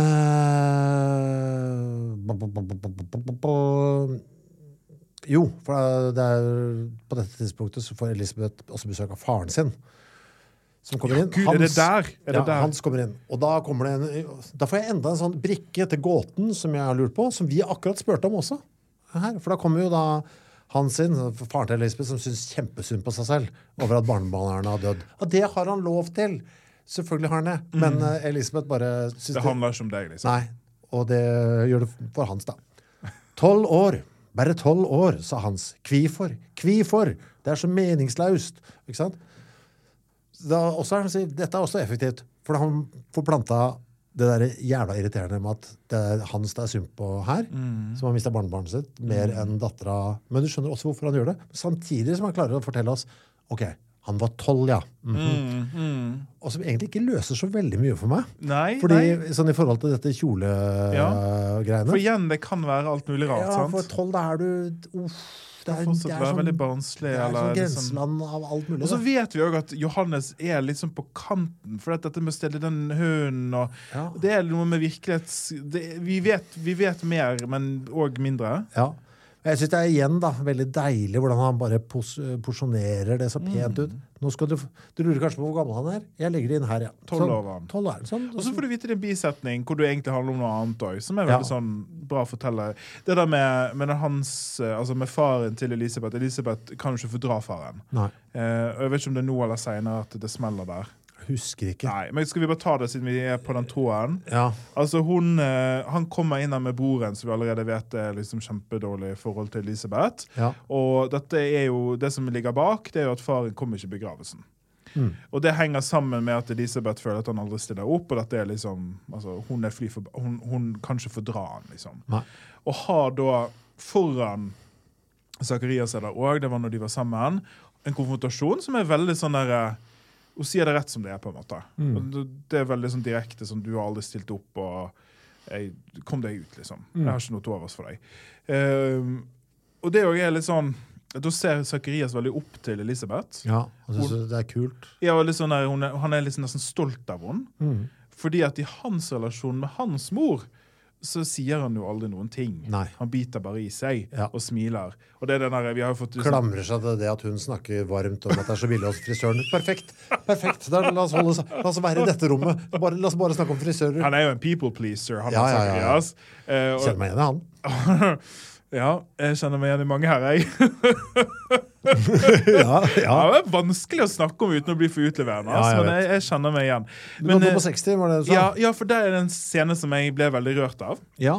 Eh, Det er Johannes igjen. da, litt eh, Fortsette den historien med ja, ja, ja. Det er kjempefint. Ja, det er kjempefint. Bare ta det. For det er, litt sånn forhistorie her. For det vi får vite at Johannes altså Det blir jo aldri sagt i klartekst hva det er, men har masse issues, og en av de er folk. Ja. Og har mest sannsynligvis blitt mobba og plaga veldig. Altså han, han vil være aleine og har det best alene. Derfor blir den hunden Bonzo veldig viktig òg. Det er liksom støttedyret hans. på en måte. Ja. Og har da, Vi får vite litt i en bisetning at han har hatt en samtale, flere samtaler med BUP-damen, som det blir kalt, mm. som har rådet han til å liksom trene. da. Og Som måten- er da barne- og ungdomspsykiatrisk. ja, Ja. På, på skolen. Som, og dette vet ikke vi helt om foreldrene vet om. Det er ikke så viktig heller. Men måten han trener på, er at han tar bussen. Ja. Så han går på bussen, og så tar han bussen bare rundt. Eh, fordi at folkene der trenger ikke han å se igjen. Sammen med bikkja. Ja, med hunden, som han lyger og sier er støttehunden hans for han er blind. Som Ja. også faktisk er viktig å komme tilbake til Som også er litt søtt, da, for det vet skjønner bussjåføren at han ikke er, men han bare godtar det. Ja, ja. Og det er så deilig med en sånn, at det var noe sånn godhet i Ja, systemet. på, det, på Ja. den måten. Men da er det en sekvens der vi får vite litt hva er det egentlig han trener på, på Mm. side 60, som jeg bare tar. Jeg satt helt stille, gleda vokste seg enda litt større i meg, og motet vokste. Jeg kjente meg plutselig så sterk og modig, og plutselig stakk jeg handa ned i lomma og tok opp hårklemma. Jeg så eh, ned på den store, røde, skinnende hårklemma til mamma, og nå måtte jeg ikke begynne å tenke, jeg måtte bare gjøre det. For hva var det å være redd for? Det var jo ingen som så hitover uansett. Og om de gjorde det, la de sikkert ikke merke til at de hadde på hårklemme. I alle fall ikke om jeg festa den på venstre side av hovedet, slik at den vendte inn mot vinduet. Dessuten kjente jeg jo ingen her, så ikke tenk mer, bare gjør det. Og så gjorde jeg det. Jeg åpna klemma med skjelvende hender, festa den på venstre side av hovedet, og så satt jeg der på bussen og var ei helt vanlig jente. Ja, for der, ikke sant? Der kommer det. Ja, da skjønner vi det. Ja, Da vet vi hva det dreier seg om, dette. her. Ja, og det, ja, for det er nettopp det. Det er nettopp det. Det var, ja. Og da får man det endelig, endelig bekreftet. Ok. Mm. Åh. Men igjen, da. Informasjonen kommer litt sånn synkende på. Så vi, og da er vi jo litt sånn som jeg vil tro at foreldrene også ville ha hatt det. Altså, vi er liksom vet, Er dette Er det lek? Er det Eller er det faktisk øh, Noe annet, liksom. Er det ja, noe dypere? Er det Ja, ja, Og Johannes, altså det er jo litt sånn realistisk at det blir en viktig ting gjennom romanen. på en måte sånn. Men vi får, ikke, foreldrene vet jo ikke dette, egentlig. Nei. Eh, de får, vi kommer til hvordan de får vite det seinere, men dette vet ikke de om. Det er noe som skjer skjult. Og Johannes har jo snakket med denne BUP, altså denne barne- og ungdomspsykiateren på skolen om det. Og måten han trener på å være da, seg sjøl, er ved å ha denne hårklemmen. Som er så søtt og nusselig og sånn trist. Ja, At det er bare så lite, Ja, det er så altså- lite, men òg så stort, på en måte. Ja. Og at vi får være med på det. Og så kjenner jeg men jeg kjenner jo igjen fra min egen eh, sånn barne- og ungdomstid det der ønsket om at vet du hva, et par ting vil jeg bare finne ut av sjøl. Sånn, jeg vet, vet, kan ikke jeg bare få lov til litt sånn tid for meg sjøl finne ut av? Tenker, det, så jeg kjenner meg jo igjen i den tankegangen. Bare, vet du, den hårklemma, den, den, sånn, dette må jeg gjøre her, nå. Og så er det, Altså, ingen som, det ingen som sier at Johannes, altså til at, at Zacharias og Elisabeth er dårlige foreldre. Mhm. Men den relasjonen er ikke supergod heller, sånn som den er nå. Sånn er det jo ofte i den alderen òg. Ja. Men det er jo liksom at han, det er noe modig ved dette, da, Ja. syns jeg. Ja, jeg og som resonnerer veldig for meg. Ja, det, ja for det er, og, du, og du merker at det er et veldig sånn, viktig øyeblikk uh, for Johannes også. Om kom, å gjøre dette. ja, det er kjempeviktig. Og det, det, tørre. ja, først- våge at du Ja. sitter liksom der og Og så det jo, får du en jævla vond følelse òg. Ja. For du vet jo At noen ja, skal, Du vet han kommer til å dø. ja. Øh, og på dette tidspunktet så begynner jeg å bli bekymret. Uh, altså Jeg har skjønt at det er en bilulykke, men altså Jeg tror det er bussen. jeg. Var helt sikker på ja, ja, ja, at det skulle skje noe med ja, den bussen. Ja, for da er det litt sånn eh, for det er, er det vanlig ulykke? Eh, har han tatt livet av seg? Er det noen som har sett han? eh, At han har kledd seg jeg Har vi noe sånt forferdelig? At Som ble skremt. ja, eller at det er noe altså, hate crime? At Ja, det er noen som har pælma han ut? Har Altså, ikke peiling. ja, ingen, jeg vet, ja, Ja, Sitter på tå hev. Ja, sitter på tå hev enda jeg vet at det skal gå dårlig. Og så blir jeg sånn der, jeg håper, åh, jeg håper han får noen bra øyeblikk. Ja, få lov å ha Ja, ja et eller annet. forløp, at det blir Vi noe vet ikke helt om man får det, men Ja, men det, det håpet har jeg her, da. selvfølgelig. Ja. Og det er jo litt det med altså, dette, er en, dette er jo da en person som, som stjeler hunder. Mm. Og later som om hun er en venninne. ja Og- ensom. Ja, og, og så fryktelig liksom, Vi vet ikke helt Vi vet ikke helt hva som skal i hvilken boks. Mm. Og det er jo veldig sånn jeg være tolv år. På en må, altså, Ja. Jeg tror det er noe dypt gjenkjennelig med mange i den alderen. At du vet sånn som du sier, jeg må få tid til å finne ut av det sjøl. Ja. Jeg vet ikke hva som skal hvor. Hvor er du nå? Neste din? Nei, nå er jeg bare på side 62. Det, det, Men det, vi har tatt det når han har, Elisabeth har den konflikten med faren sin. Ja. Jeg vet ikke om vi trenger å øh, Jo, kan jeg, jeg må bare ta det, for det er så, det er så stygt òg, på en måte. ja. Det er på side 62. Så nå er vi i den der, nå skal Elisabeth ha en konfrontasjon med faren som har kommet for å gråte sine modige tårer over at hennes sønn er død. Mhm. Eh, så da sier, han, eh, da sier faren da Jeg husker når jeg mista tvillingbroren min, sa han. Altså, det er jo veldig sånn typisk, så skal fokuset være på han. han la handa framfor munnen og kremte. Først én gang, så en gang til. Jeg var bare ti år gammel, og da avbrøt Elisabeth. Kvasa hans. Den gang da, hver gang når. Og så da blir jeg sånn, for da leser jeg sånn, og nå, når jeg leste det, så tenkte jeg at jeg skjønner hva du driver med, Elisabeth, men du, nå er det, det er for hardt. Det er for ufølsomt. Ja, det er for ufølsomt. Nå må du dette, dette kunne du gjort på en penere måte. Jeg, nei, nei, nei, nei. Nei, For vi tar ikke, Jeg tar ikke hennes parti her. nei, nei. nei. Jeg, så jeg skjønner at det er mye, Elisabeth. Jeg skjønner han er jævlig, Ja, men, men- altså, skjerp deg. Ja, skjerp deg litt. Jeg bare leser ferdig. Det er regelen, sa Elisabeth. Hun så på han og smilte. Jeg husker når jeg mista tvillingbroren min, sa du. Det blir feil. Stille. Og så begynner Zakarias å le. Ja. altså, kommer med. Det, eh, jeg begynte å le igjen. Det kom bare. Det var frekt og stygt sagt. Det var så langt over streken at det var pinlig, og det er jo vi enig i. Og jeg ville ikke le, men jeg greide ikke å la være. Jeg dekte for ansiktet med den ene handa og lo seg rista. Jeg beit sammen tennene, men latteren tøyt ut av meg som verk som smuss ut av et betent sår. Ja. Og her er han jo også igjen da, stolt av kona si, ikke sant? Ja, han koser seg. Ja. De er et bra par. Ja, min neste er på 72 først. Ja, ta han. Ja, det er bare eh, mor, som eh, Elisabeth, altså, som lurer på hvor sønnen har vært. Eh, gått tur med Banzo, sa jeg. Sett deg ned og få deg litt mat, sa mamma. Hun så på meg og smilte samtidig som hun trekte ut den ene verandastolen. Hun hadde nettopp stått opp, jeg så det på henne. Hun hadde ikke sminka seg, håret var bustete, og hun hadde slike blanke, rennende øyne som hun brukte å få når hun hadde sittet oppe og druk, drukket natta før. Og dette er også litt sånn fælt, fordi mm. Det er så vanlig at han kjenner det igjen. Ja, og det er For jeg tror Det er ikke, engang, det er ikke sagt engang her, men jeg føler meg helt sikker på at Elisabeth tror at sønnen ikke får det med seg. Å ja. Ja. ja. Men, og, men han har bare sånn OK, dette er en sånn Dette dag. Mamma ja. drikker hele natt igjen. La oss snakke om det. Fordi Åh, det også ja, det ligger der som et bakteppe. Altså, Elisabeth har jo et alkoholproblem, Ja. eh, og det er liksom Hun har det i alle vi, vi hopper veldig i tid her, men i alle delene av tiden. Det er jevnt og trutt. Ja, det er altså, stabilt. dette er en, ja, helt riktig. Det er, det er et stabilt problem. Ja. Og familien altså, Det blir en konflikt med Zakarias over det til slutt. og vi, vi, vi får ikke vite det i klartekst, men det er ikke rart hvis det er det som gjør at han slår opp til slutt. Mm. De har en skikkelig stygg konfrontasjon som vi kommer til. Noen har gjemt øl under dynen. Ja. Uh, men uansett. Og sønnen, da, altså Johannes, han er så vant til at moren drikker at han kjenner det igjen. Og så som du sier, hun tror nok helt sikkert at det er sånn At hun har klart å dekke over, eller at det ikke er liksom Men det virker jo sånn, er sånn du vet det der alkoholproblemet som ikke er sånn eh, ramle eh, mellom radene på Kiwi. Det er ikke sånn. Nei. Det er den etter Altså fra middag og ut. Være Ja. stup full når du legger deg. Ja. Eh, Den type Og våken hele natten, ofte. type Ja. ting. Den litt sånn stillegående fartøyet av alkoholisme. Ja, men, ja, men det er ikke det derre bult. Ja. Ja, men det er den rødvinfylla. Det er ikke den Ja, den, og den er litt sånn der eh, Den er litt sånn der eh, Den som går en stund, men så sakte og så er du, du får ikke et sånn tipping point hvis du, for de av dere som har vært i nærheten av folk med Den trøbbel. depressive fylla. Ja, Det er ikke, det er ikke sånn der rave rundt og slå ned folk. Det er sånn å sitte i stillhet ja, og føle. ja, Det er den, liksom. Ja, jeg syns mer og mer synd på seg selv. Og dette har vi jo også skjønt, fordi det hopper så fælt i tid, at selvfølgelig Hun har jo da vært en såkalt velfungerende alkoholiker helt fram til Johannes dør. Ja, og da, Og da er det jo ingen grunn til å være velfungerende alkoholiker lenger. Da kan du like gjerne rykke opp i Eliteserien og bli en av de som eh, fungerer svært dårlig. ja, 100 Mm.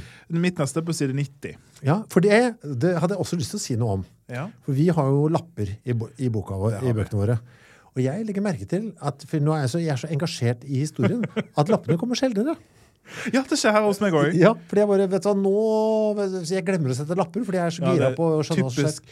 Det, det kan bety en av to ting. Enten Ja. at jeg hater det Ja. og bare vil gjennom, eller at jeg elsker det. Ja, og her er det fordi jeg elsker det. Jeg har Ja. også investert. Mm. På side 90 her så er det litt det, det, det, I begynnelsen av romanen så tror vi at det handler om bare uh, Zacharias og Elisabeth og deres relasjon. Ja. Men det blir helt åpenbart at den det egentlig handler om, er Johannes. Ja. Eh, Altså det, det, det er helt åpenbart at det, det er egentlig Johannes sin historie, dette her. Og da er det noe med at altså, ok, Så Johannes har dette med at han, han føler seg som en jente. Kan man det betyr? Vi vet ikke helt liksom, Mm. hvordan han vil identifisere seg etter hvert som tiden går, men at han har dette inni seg som må ut, at han må trene på det. Mm. At det skaper masse problemer for han, men at han har det best når han er en jente. da. Ja. Og at dette skal ut. på en Ja. måte. Han klarer ikke å, dekke ja, det er så sterkt at dette Han kan ikke- Nei, dette må jeg bare, for dette er meg. Ja. Eh, og så er det noe med at han Altså disse relasjonene som man har til far og mor, at jeg tror de aller fleste foreldre gjør så godt de kan. Det er jeg helt sikker på. Ja. Men at måten det blir feil på, er fordi at de sitter sine egne behov og ønsker først. Ja. Og jeg tror det er veldig denne romanen Nå snakker jeg litt sånn, jeg er ikke forelder sjøl, men jeg, jeg tror at veldig mye er godt ment. ja da. Ja, og at det, det er ikke nødvendigvis der problemet ligger. Men det er en liten sekvens her som jeg syns er så god, som er på side 90. Mm. Der er det Zakarias, altså far, som snakker med Johannes. Ja. Jeg så forresten at det har åpna en ny klatrepark for ikke så lenge siden, sa pappa. Han så på meg og smilte. Rett her borte, med zipline og greier. Kanskje vi to skulle ha tatt oss en tur dit i morgen etter at vi har vært på museet og sett skjelettet av mannen i brønnen. Har du lyst til det? sa han. Han visste at jeg mislykte høgder og ikke hadde det minste lyst til verken å klatre eller prøve zipline, men han let som om han ikke visste det. Han ville la meg vite at dette var slik som gutter flest elsker, og at han skulle ønske at jeg også gjorde det. Han greide ikke å la være. Han prøvde alltid å fortelle meg at jeg burde ta meg sammen og bli litt mer som andre gutter. Mm. Godt ment. Ja, og så er det Helt feil. Da, da skjønner du vel Da kan man få en anelse om at far eh, skjønner at det er noe Det er noe som ulmer. det er noe som foregår her. Uh, og så kanskje tenker Å, dette er Jeg har ikke så lyst til å ta i dette. Kan ikke du bare Ja. være litt mer som andre gutter? da? Så Kanskje vi bare har det ja, gøy? Den, konflikt, den konfliktsky mannen som bare bærer seg til Ja. Ja, for det er jo 100% konsistent med Zakarias som aldri klarer å ta en ordentlig samtale. Og effektiviteten vet til Tiller er jo så drøy, for den her der planter den, men så får vi umiddelbart et nytt problem av at mamma har satt opp For det går rett over i det. At mamma har satt han opp med en slags date. Han Ja. har invitert bare noen andre til å leke med. Johannes, det, fy faen, den dritten der. Ja, Husker du det? Jeg, jeg husker det! Ja. Hvis jeg, hadde, jeg, hadde jeg vært ti år gammel, og hadde, hadde vi hatt våpen i huset, så hadde ikke mutter'n vært her. da. Eller fatter'n. Jeg hadde skutt dem begge. Fordi, Ja, på grunn av det der på grunn av den dritten der. Ja. Nå skal du leke. Altså, Kan ikke du være venner med de? hva, altså, hva, er, er, jeg en, er jeg en undulat, eller? Ja, for det er jo litt du bare putter meg i buret sammen Ja, ja, ja. ja. Altså, det der var det verste. ja, det er helt, helt Altså, det, det, Mamma gjorde ikke så mye sånn, men jeg, bare sett de sammen. De unge begynner å leke etter hvert. ja, så det er sånn, Eh, Men nei. jeg har en personlighet, selv om jeg er et barn. liksom. Det er jo ikke sånn at jeg... Men OK, vi må forklare hva som tror du skjer. gjør Jeg vet ikke, Nå spør jeg dere foreldre som er her. Gjør dere det derre Bedriver dere det overgrepet fremdeles? der? Bare setter dem sammen. Inviterer oss vennepar. For de er en unge på vår alder. Bare, Gå inn på rommet deres og lek, så går det av seg sjøl. Unger de leker alltid. Nja. Nja. Jeg hadde noen folk jeg, som kom på besøk. Jeg var redd for det. Vi hadde mye sånne, sånne kusiner og fettere og sånn. Og det var sånn samme greiene, fordi at du er i samme familie, så, du liksom, så passer du sammen. Men du gjør jo ikke det. Vi må nesten forklare hva som skjer her. Så mora, da. Altså, ok, Johannes' problem Ja, men se. Altså, det er det tidligere gjør. vet du. Han pirker i egne minner. Ja, for det, for det han gjør. 100%. For det, det Hele tiden så pirker han i ting som jeg kjenner meg igjen i. Ja, ja, ja, Og, så, og, så, og så får han de gamle, det ut, vet får gamle såra til å begynne å blø igjen. Det er det han gjør. Av med skorpa. Av med skorpa. Krass, krass, krafs, var det han sa her i stedet, som, som puss ut av et betent sår? Ja, ja. det han sa? For det er jo det, da, at liksom eh, Det er så vanskelig å snakke om uten å bli personlig. Traumetriggeren. ja, det minner meg Det- om masse! Det er tre t-er. Traumetriggeren Tiller. Det er det, det er det er. Men ok, Så Mm. mora Elisabeth fordi at Johannes her, altså de er jo bekymra for gutten sin. Ja. Men det er bare det at de klarer ikke helt å ta i hva som er problemet. Mm. Altså, prøver å få han til å bli som mer andre gutter. i anførselstegn. Og moren er litt sånn, han er så ensom, han går så alene. Da bare finner jeg en random jente og, og broren hennes som har downs. Og så skal de ta Johannes med og svømme og bade. Og hun har inngått da en sånn allianse med dem som Johannes gjennomskuer med en gang. Og selvfølgelig hater. Så foreldrene har jo ikke skjønt hvor utviklet sønnen er. De behandler han som han er sju fremdeles, men han er tolv. Ja. Og kanskje er egentlig 15 i huet. Og vokste opp i et hjem med veldig mye dobbeltkommunikasjon. Ja. Så han er veldig god på det her. Ja. Eh, og gjennomskuer det med en gang, men vet liksom at for husfredens del så må han bare bli med. Han liker ikke å bade engang. Altså, så teit er det. Ja. Og så skjærer det seg i det som er en fæl, fæl, fæl eh, sekvens litt uti her. Uh, ja. Eh, der har jeg det. Det er på side 109. ja. Skal vi se, hva er det jeg har skrevet her? Forsøket på god stemning. Skal vi se Ja, for hun ler. Hun ler uh, Mora er så jovial, på en måte. Eh, Skal vi se. Hvor var du? Du var på side 109, var det du sa? 109, ja. Ja. Uh, altså det som det skjer- ja, ja, det er også er fryktelige ting som skjer Uff. her. Uh, men det er det Tiller viser oss folk på sitt verste, og her er Johannes på sitt verste. Mm. Altså han, han har med ytterst motvilje gått med på det her. Men det bygger seg opp igjen. Han er drita sur på moren, egentlig. Det er det det handler om. Drita sur på foreldrene sine. Men så kommer det ut da selvfølgelig med en stakkars gutt med downs. Eh, som eh, De har en sånn sekvens der de nesten er med stranden. Mona, da, som er søsteren, eh, liksom må prøve å lære da eh, Kurt heter han gutten med downs, at du må knyte skoene dine. Ja. Og så har listene gått opp. Og så er det en sekvens Jeg tror jeg skal bare lese den. jeg. Ja. La meg si det sånn, Han har fått med seg, han har lært litt eh, passiv eh, aggressivitet fra hjemmet. Ja, jeg tror dette er 100 det det er. faktisk. Og så utagerer han. Han er sint på moren, sint på foreldrene. La det gå utover den stakkars gutten. Eh, skal ikke du bli fotballspiller på Liverpool, da, sa hun. Jo, sa Kurt. Har du sett noen av spillerne på Liverpool bruke fotballsko med borrelås, sa hun. Kurt så på henne uten å si noe. Munnen hans var oppe hele, hele tiden, og Mona reiste seg igjen. Nei, har du eh, nei, det har du ikke. Så neste gang prøver du sjøl, så skal vi si det, sa hun. Samtidig som hun strekte ut den ene handa og rufsa til håret hans, akkurat slik en voksen ville gjort. Så kommer det fra Johannes. Har du sett en Liverpool-spiller med downs, da, sa jeg. Ja. Og så imploderer Altså, Og han, blir, han skaper seg, ikke sant? og de bare går. Han, det er rødmen hans. Og den der følelsen der, når man tramper For det var Gudskjelov så gjør man det Den lærer man alle mennesker the hard way. Når man driter seg ut uh, i, den ald- i barndommen. forhåpentligvis. Det er jo noen som beholder det i voksen alder. Eh, ja. Altså, det handler om at han, han vet sekundet han har sagt det, Mm. at ikke bare er det liksom feil sånn samfunnsmessig, men det er en stygg ting å si. Mm. Altså, en fæl ting å si. Han vet det. Han har apparaturet for å forstå det. Og blir bare stående der og liksom vil, vil egentlig bare smelte vekk. Ja. Og så går de to, og så blir han stående der. Ja. Og så vet han òg, det kommer ganske straks her, at grunnen til at han har gjort dette, er fordi at han er sint på moren. Ja. Altså, han vet det. ja, den derre feil Og jeg kjente ja, det, Så kjenner man det igjen, vet du. Jeg har noe på side 114. Ja. Eller har du noe før det? Nei, bare ta det, du. Da er uh, Det er farehus, da. Eh, Jeg bare begynner å le, for jeg ser mitt neste notat, er, er faen som det smeller. ja, Men det kommer vi til.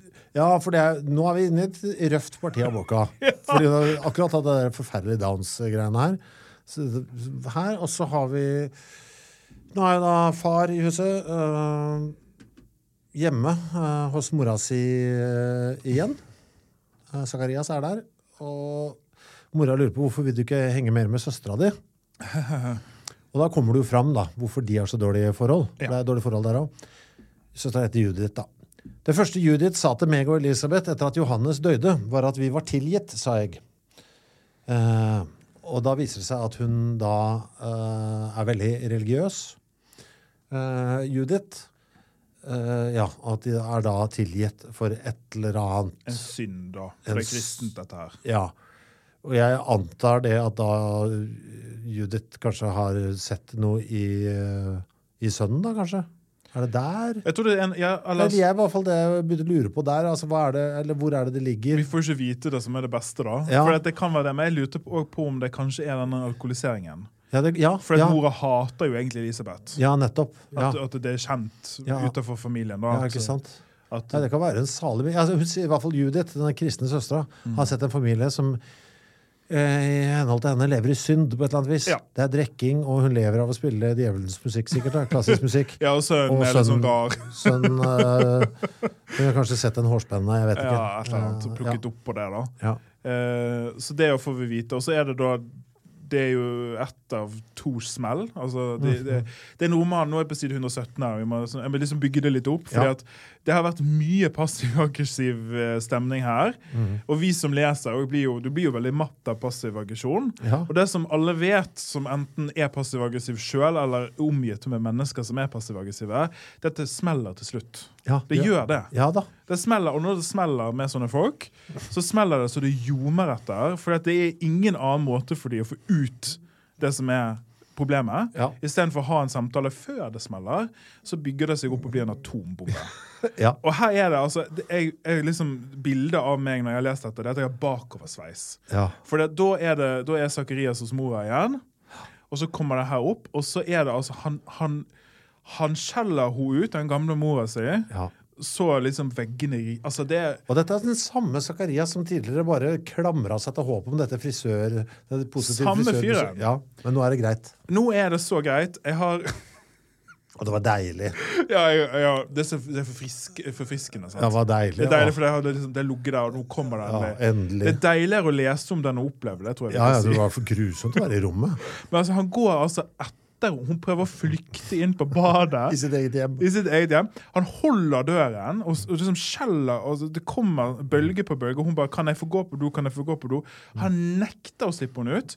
Og det er altså over mange sider her med en lang monolog av alt hun har gjort galt, og som er galt her. Uh, jeg skal lese noe av det, tenkte jeg. Ja.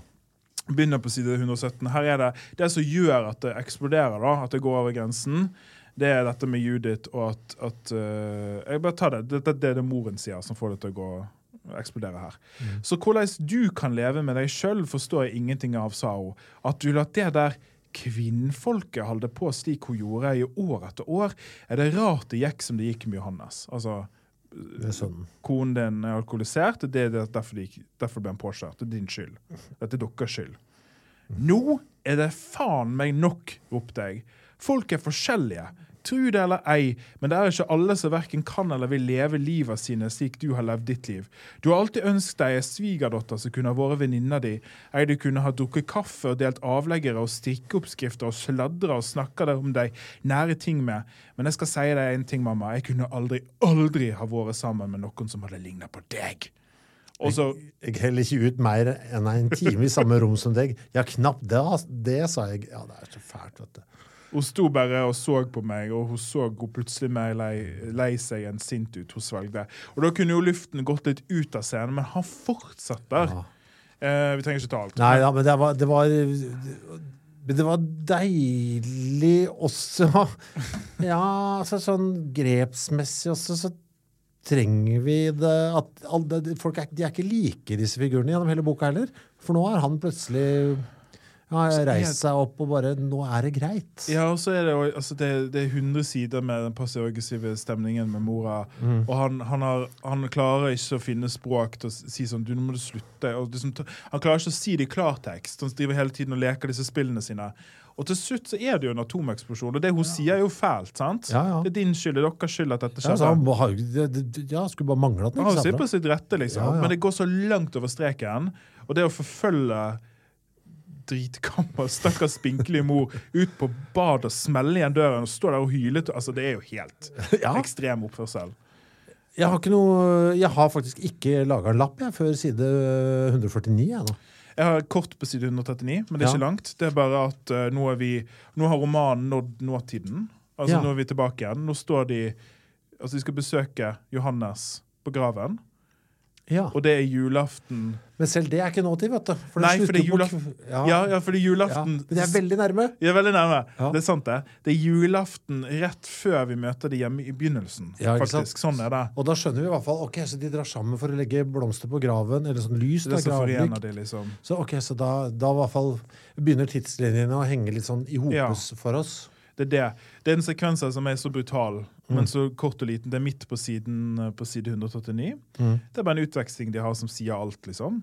Gutten vår sa, sa han etter ei lita stund. Ja, sa jeg. Stille. Altså det er Ja, komplett, liksom. det holder, det. Det holder, det. Det holder i massevis. På side 149 så er det en sekvens der eh, Johannes, altså sønnen i huset, eh, drar og besøker eh, den demente bestemora. Har med seg bikkja, Banzo, inn. Og eh, hun er jo da dement. Hun lager jo ikke en lyd, hun bare sitter og blir plassert sånn i mange år. ja, blir plassert foran radioen hver dag. Det har vært et sånn gjennomgående tema det også i boka. Vi har ikke sagt så mye om det. At uh, pleierne ikke setter på NRK Klassisk, som er det hun Ja, og, Vil at- høre. og at det er sånn I hvert fall det mora tror at hun vil høre. Som også er litt rart. det, det er sånne scener som òg eh, Altså Elisabeth er jo den som er skarpest her, liksom. Eh, det, det er lenge siden, vi trenger ikke å bla tilbake til det. Men der mora sitter med nisselue på hodet, og så de pleierne har puttet nisselue, og så er det sånne jævla bråkete tubadur, lokalleid inn, som skal ja. ha noen julesanger, og det er bare helt grusomt, liksom. Ja. Eh, og da, da sier Elisabeth noe sånt som at ja, men dette er fortsatt et, menneske. Ja. Altså med smak og med ønsker og med behov. Men hun, hun liksom sier at alt blir jo det samme på gamlehjemmen. Alle Ja. skal like de samme tingene. Og liksom, jeg bare, det bare beit meg merke at det er veldig sant. Ja, ja det altså, er det. Altså, så det sånn Når du blir gammel, så du, da blir du bare klassifisert i henhold til alder. Ikke i forhold til interesse. Nei, og smak og livet du har levd. Jeg gruer meg liksom- også forferdelig til det. Gjør du det? Jeg skal Ja, besøke deg. ja, men uh, når jeg sitter der da, så kan du bare se, skal se, du er født da, ja. Ja, men klart du skal, da setter vi på Kygo, for det er sånn som dere likte det, i deres tid. Og Det er 90 år. Ja, Men det er veldig sant, da. Ja, med norske sånn. institusjoner. Hvordan liksom Alle skal under det, det, Jul, da skal det være julestemning. Så, sånn, Hva var det som var populært da han var ung, da? Jeg var, jeg var mot i brøstet, Carl og Co. og- Se på det, Jeg da. elsker Mot i brøstet. Ja. Altså helt uironisk. Ja, men det Du var for ung, vet du, da det gikk. Ja, jeg skrev jo inn eh, til TV 2 Sporten de kunne sende det litt tidligere for å ligge meg. Ja, ja, nettopp. Ja, Det er et sånt barn var jeg. Ja. Ok, Nei, men du, på dette tidspunktet så er jo da altså eh, eh, Johannes da på besøk hos eh, sin mormor, dement, og det er en fin sekvens, for han sier det jo til henne rett ut, og da får vi det endelig høre det, Ja. selv om vi egentlig skjønt det hele veien her. og, og at han også sier det for seg liksom Ikke bare sånn for altså, Vi får høre, men at han sier det òg. Han sier det høyt for første gang. Ja, til noen. til et annet menneske, selv om det andre mennesket ikke kan svare. Uh, samtidig vil jeg være jente, sa jeg. Jeg er jente, mormor. Jeg er gutt, men jeg er også jente, la jeg til. Jeg jordbære. Jeg hadde aldri sagt det til noen før, ikke engang til mormor. Jeg hadde ikke tort, for ordet fanga. Ord vekte virkeligheta på et vis. Og straks jeg hadde sagt noe til noen, var det liksom sant. Og jeg visste ikke om jeg ville at det skulle være sant. Jeg både ville og ville ikke. Jeg ville være en helt vanlig gutt, men samtidig ville jeg være meg. Og det var dette som var meg. Uh, pent løst det her, altså. Syns jeg. Veldig, veldig altså det, det som jeg føler, jeg bare at det er så ærlig. Ja, altså, ja, altså pent løst av Det sånn, Tiller også. Og, Ja, altså, det er veldig sånn uten og så kjente jeg igjen Jeg kjenner den derre det, blir- det er noe rart som skjer med hva enn man går og tenker på, men å si ting høyt da blir det, Mm. det er ikke som å skrive, det er ikke så, da blir ting virkelig på en eller annen Ja, for når det gjelder identitet. Ja, men alt mulig rart. Ja, sant, Sånne det. relasjoner også. Ja, ja det, oh, gud, det er sant. Ja, bare den første, den første 'jeg elsker deg' igjen er jo, sitter langt inne. Når du først sagt 'Å, å, å da var det i gang', ja. Da er, er det i gang. Ja, stemmer, nå stemmer det faktisk! Ja, eller den motsatte. Jeg tror kanskje Det ikke blir oss. Ja. Nå er det over. Oh, Ja, ja. ja men altså, det er jo et eller annet med at med, når ordene fins der Ja, men det er veldig sant. Nå, nå, apropos, nå er, vi, nå er vi dypt i terapi her. For jeg er bare sånn, ja Hadde vi ikke vært på tape nå, vet du, så hadde jeg Du hadde fått, du hadde fått så mye mer enn det her. Ja, OK. ja, det, jeg Til sier deg, det. altså, du er en, du er en drittsekk som driver og Traumetriggeren. til å- Traumetriggeren. Tiller. Nei, men det er helt enig, det var veldig pent. Jeg har ehm, Nå ser jeg at jeg har lest mer enn at Ja, jeg jeg har tenkt. også, jeg har også lest mer enn jeg har tenkt, for jeg er, jeg er veldig spent nå. fordi det, Det går mot et klimaks. ja, det koker seg til, liksom. Mm. Jeg har, det neste jeg har ikke før på side 184, faktisk. Skal vi se, jeg har noe før Jeg kan ikke du ta det? Det er når han drar hjem til Kurt. Jo, nei, du, nå har jeg bare å, Dette er et veldig rart notat, men jeg må bare ta det. På side 61. Ja. Han skriver han, mm, Kanskje var det det det handla om, skriver han.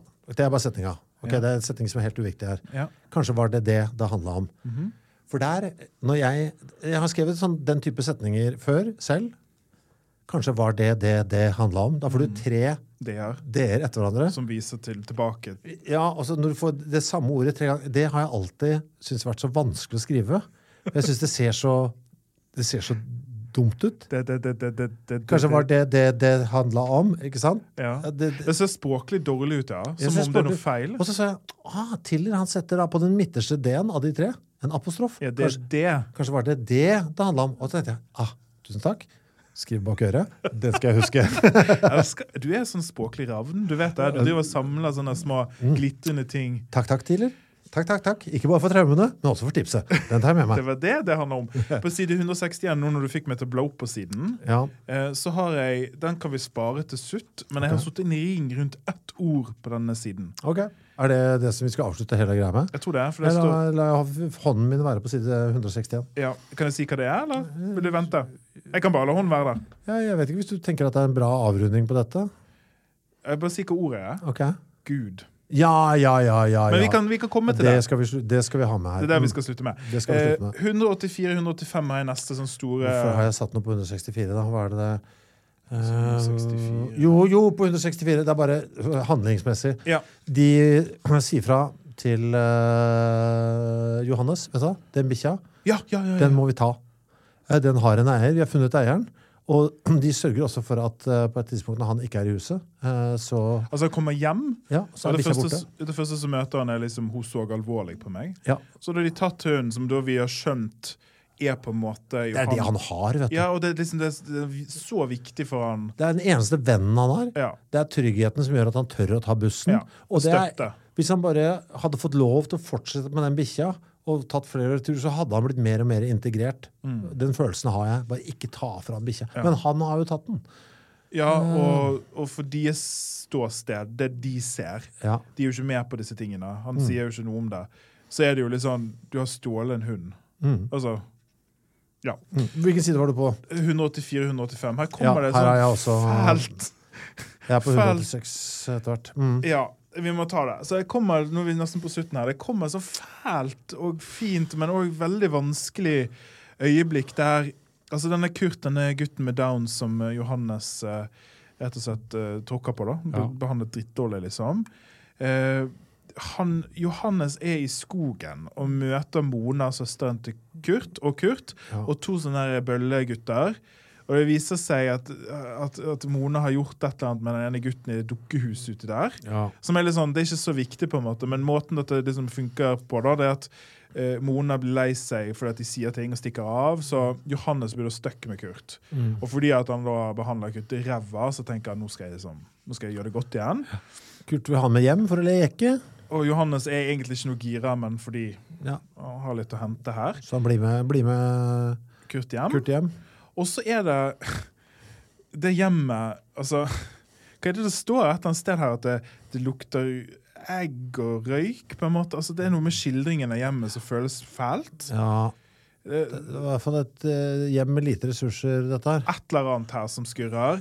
Eh, Men uansett, han blir med Kurt hjem, og Kurt er rar og snakker lavt, på en måte. Men Man sier han er aleine hjemme, så du må, være med, du må passe på meg, for det er ingen hjemme. jeg er så redd, liksom. Eh, Jeg er alene hjemme, du må være med meg opp. Og så er det sånn, jeg sitter bare der og på en måte er stille og snakker litt sånn rolig og sånn. Mm. Og så skjer det da at mora kommer inn. For hun, hun har vært hjemme hele tida. Eh, Hun har sovet da, tydeligvis, selv om det er midt på dagen. Kommer inn bustete hår og sånn. Og skjeller da Johannes huden full. Eh, og rister da i sparebøssen til Kurt. Mm. Og det kommer fram da at Kurt har betalt andre kids for å bli med han hjem. For han er så ensom. Ja, det har han gjort flere ganger før, og nå er han sur. For å regner med at det samme har skjedd med Johannes. At han bare er der pga. penga. Ja, og Johannes klarer ikke å svare for seg noe særlig. Blir liksom låst og det fryser seg helt. Men det er en sekvens der liksom dette, dette kommer sammen. da. Jeg tror det er på side 184 her. Eh, skal bare dobbeltsjekke om det er det. Nei, det var ikke det. Jo. Altså Jeg trenger ikke lese det, egentlig, men det bare eh, Det viser seg at moren til Kurt vil egentlig at Kurt skal være annerledes. Mm. Og det er det samme som Johannes følger hjemme. At de har en sånn eh, åndelig og liksom eksistensiell kobling, da. Denne gutten med Downs og Johannes. Sånn odd people out, på en måte. Sånn samfunnets Mm. liksom på, på grensen, på kanten. Begge fryktelig ensomme Ja. fordi at de er sånn som de er. ja. Og det er liksom et øyeblikk som der liksom ting setter seg litt, da, syns jeg. Ja, jeg er enig. Ja, det var, og så blir det liksom for- begge to er litt sånn Ja, ja, det er det. Dette er det beste jeg får. Jeg, til selv med Kurt, jeg får bare han. Og, og, Johannes Ja, ja, jeg, får den, jeg, jeg fikk han med downs. Som er liksom Ja, men det, ja, uff, det blir så fælt, det òg. Ja, Ja, det er fælt. ja, det Det er fælt. det som gjør at det er vondt, liksom. Um, ja Hvor skal vi gå nå? Eh, ja. Jo, det skjer noe interessant da på side 189. Ja. For da er det bare en gjentagelse av de første sidene i boka.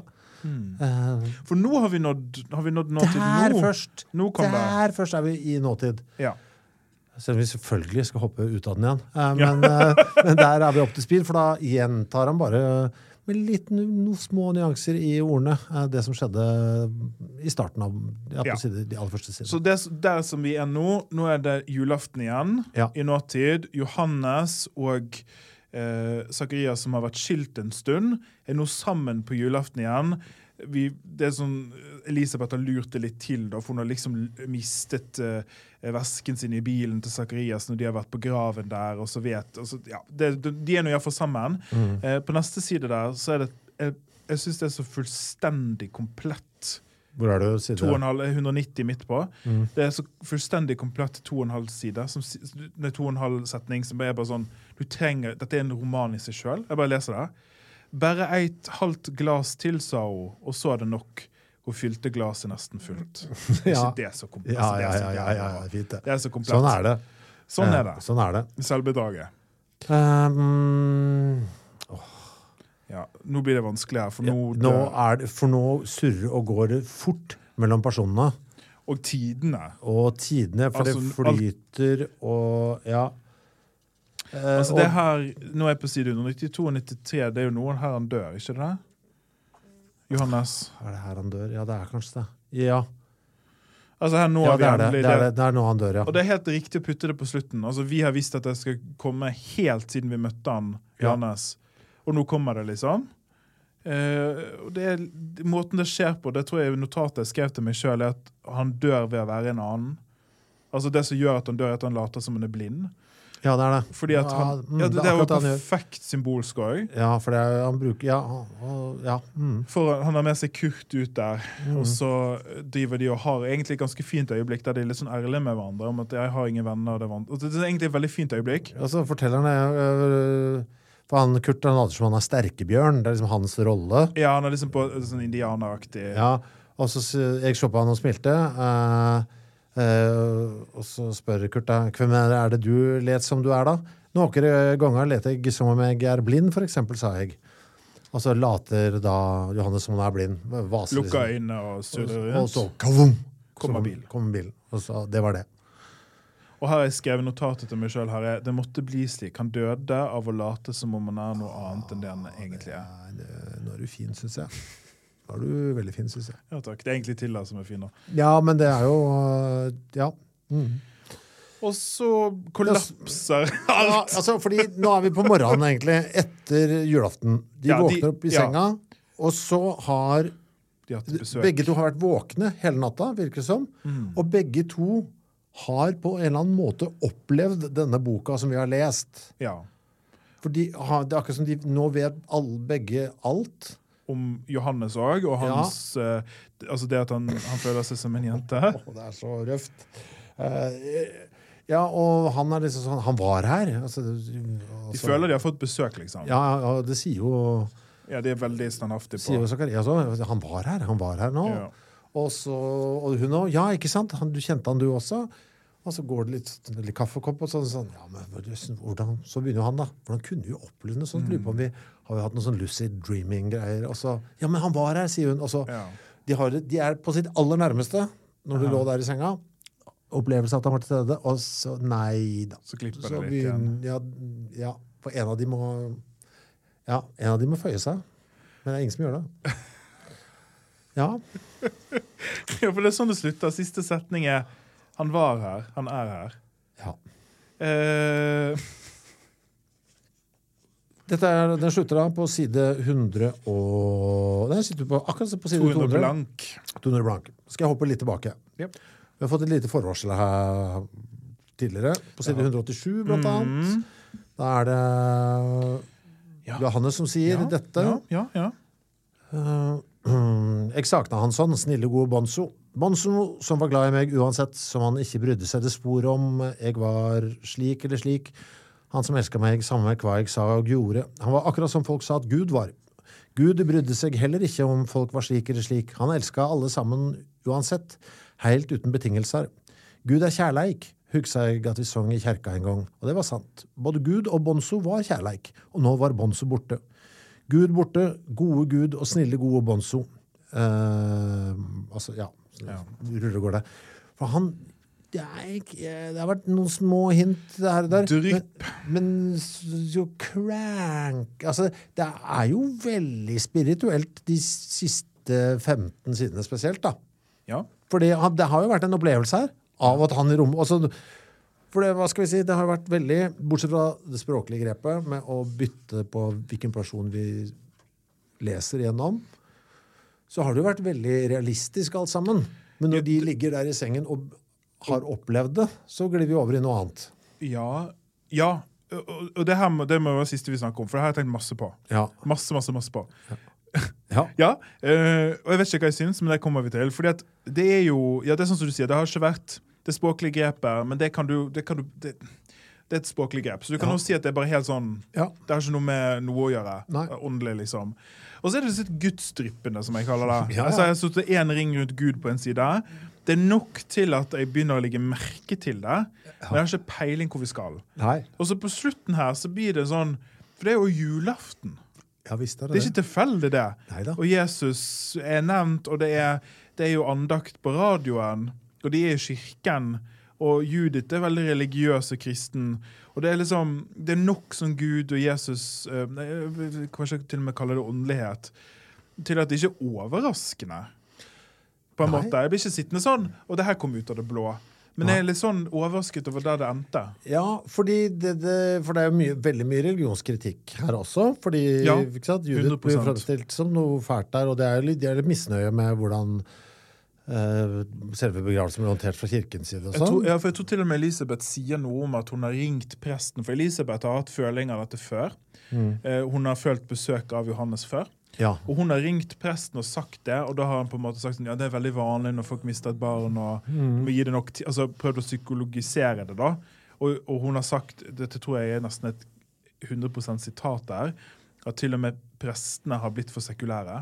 ja. Sant? At de er blitt psykologer mer enn åndelige ledere. Mm Eh, Og hun har jo vært en person som har på en måte opplevd det her, da. ja, og da kommer vi kanskje igjen over til grunnen til at han tok seg bry med musikken, da, som jo må være en sånn åndelig opplevelse for det henne. Da. Ja, Det er jo det hun er øh, besatt av, Barr. Og Ja. det er veldig, han har jo vært veldig kristen, Ja. på en måte.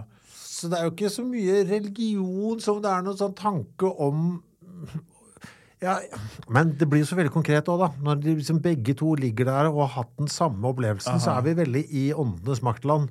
Fordi begge to har opplevd det samme. Så da blir, gjør han det, Det jo til noe ja, konkret. Ja, for det statueres jo òg som virkeligheten. Altså i virkeligheten. Og så begynner han å tvile, da. Altså, ja, så- dras vekk. Men så da har det, Ja, så, ja det, jeg tenkte altså bare sånn åh, ikke Men samtidig så likte jeg det det? godt da. Jeg likte det. Jeg likte det også veldig godt, fordi vet du hva, du, ja, du skal bølle med meg. Det har du gjort hele boka. Skal du bølle med meg her, og du skal plage meg litt, og nå plager du meg litt her. Og jeg har ikke noe problem med at det fins en åndelig Altså at, no, at, at disse menneskene i dette universet er åndelige, på en måte. Eller at det fins en åndelig komponent. gøy, vet du. Det er, det er gøy. at Ja, det er gøy. Altså, jeg, nei, jeg, for jeg, dette er ting jeg kunne eh, irritert meg over. Ja, du Eh, kunne det? Jeg kunne det, Ja. av, av, men det er gjort så pent at jeg tvert er imot ikke- lot meg glede av det. Jeg føler ikke heller at det er sånn i, i Det ikke på en måte Og da begynner jeg å tenke på alle de tingene jeg ikke skjønner. Da. Det er jævla mye jeg ikke skjønner. ikke sant? Ja. Av alt mulig. aha. Og ja, bare så, sånne dumme ting som Man blir jo åndelig hvis du tenker på for store ting. Og Ja. det er, det, hva, ja, At universet driver og utvider seg. At, at tiden driver og bøyer seg. Hva faen, hva skal vi hva, Hæ? Big Bang? What Ja. the fuck? Ja, Jeg sier, jeg sier det igjen. Jeg. De, de som har tilbøyelighet til å bli mest religiøse, er jo naturvitere. Mm. Jeg kjenner mange matematikere som er dypttorne, f.eks. For eksempel. Mm. Fordi at du stirrer så dypt inn i evigheten at du, du må på en eller annen måte ha et Jeg eller må ha annet. et anker. Ja, du må ha et reisverk, da. Men, men det, det som jeg tok ut det, ja, Ja. Men det var fint det der. Jeg synes det var fint, jeg likte, jeg likte det. Det jeg endte opp med, bare for en, hele Mm. denne, hva betyr dette Det som jeg liksom, og det tenkte jeg på på veien ned til studio i dag, det at jeg føler det som dette handler om hvis du, hvis du bare sitter en liten parentes bak at den slutten der. Fordi at det språklige grepet med å la alt gli sammen, Mm. det er et språklig grep, men jeg tror også det er et symbolsk grep. Og jeg tror dette, det, det jeg får ut av det, det er at vi er mer enn enheter. Vi er mer enn individer. Selv om det er mor, far og barn, så strømmer vi inn og ut av de hele tiden. Og det forener oss. Altså det, det er familienheter det er snakk om. Det er ikke tilfeldig at, at de personene som er nærmest hverandre, og umistenkelig skifter synsvinkel.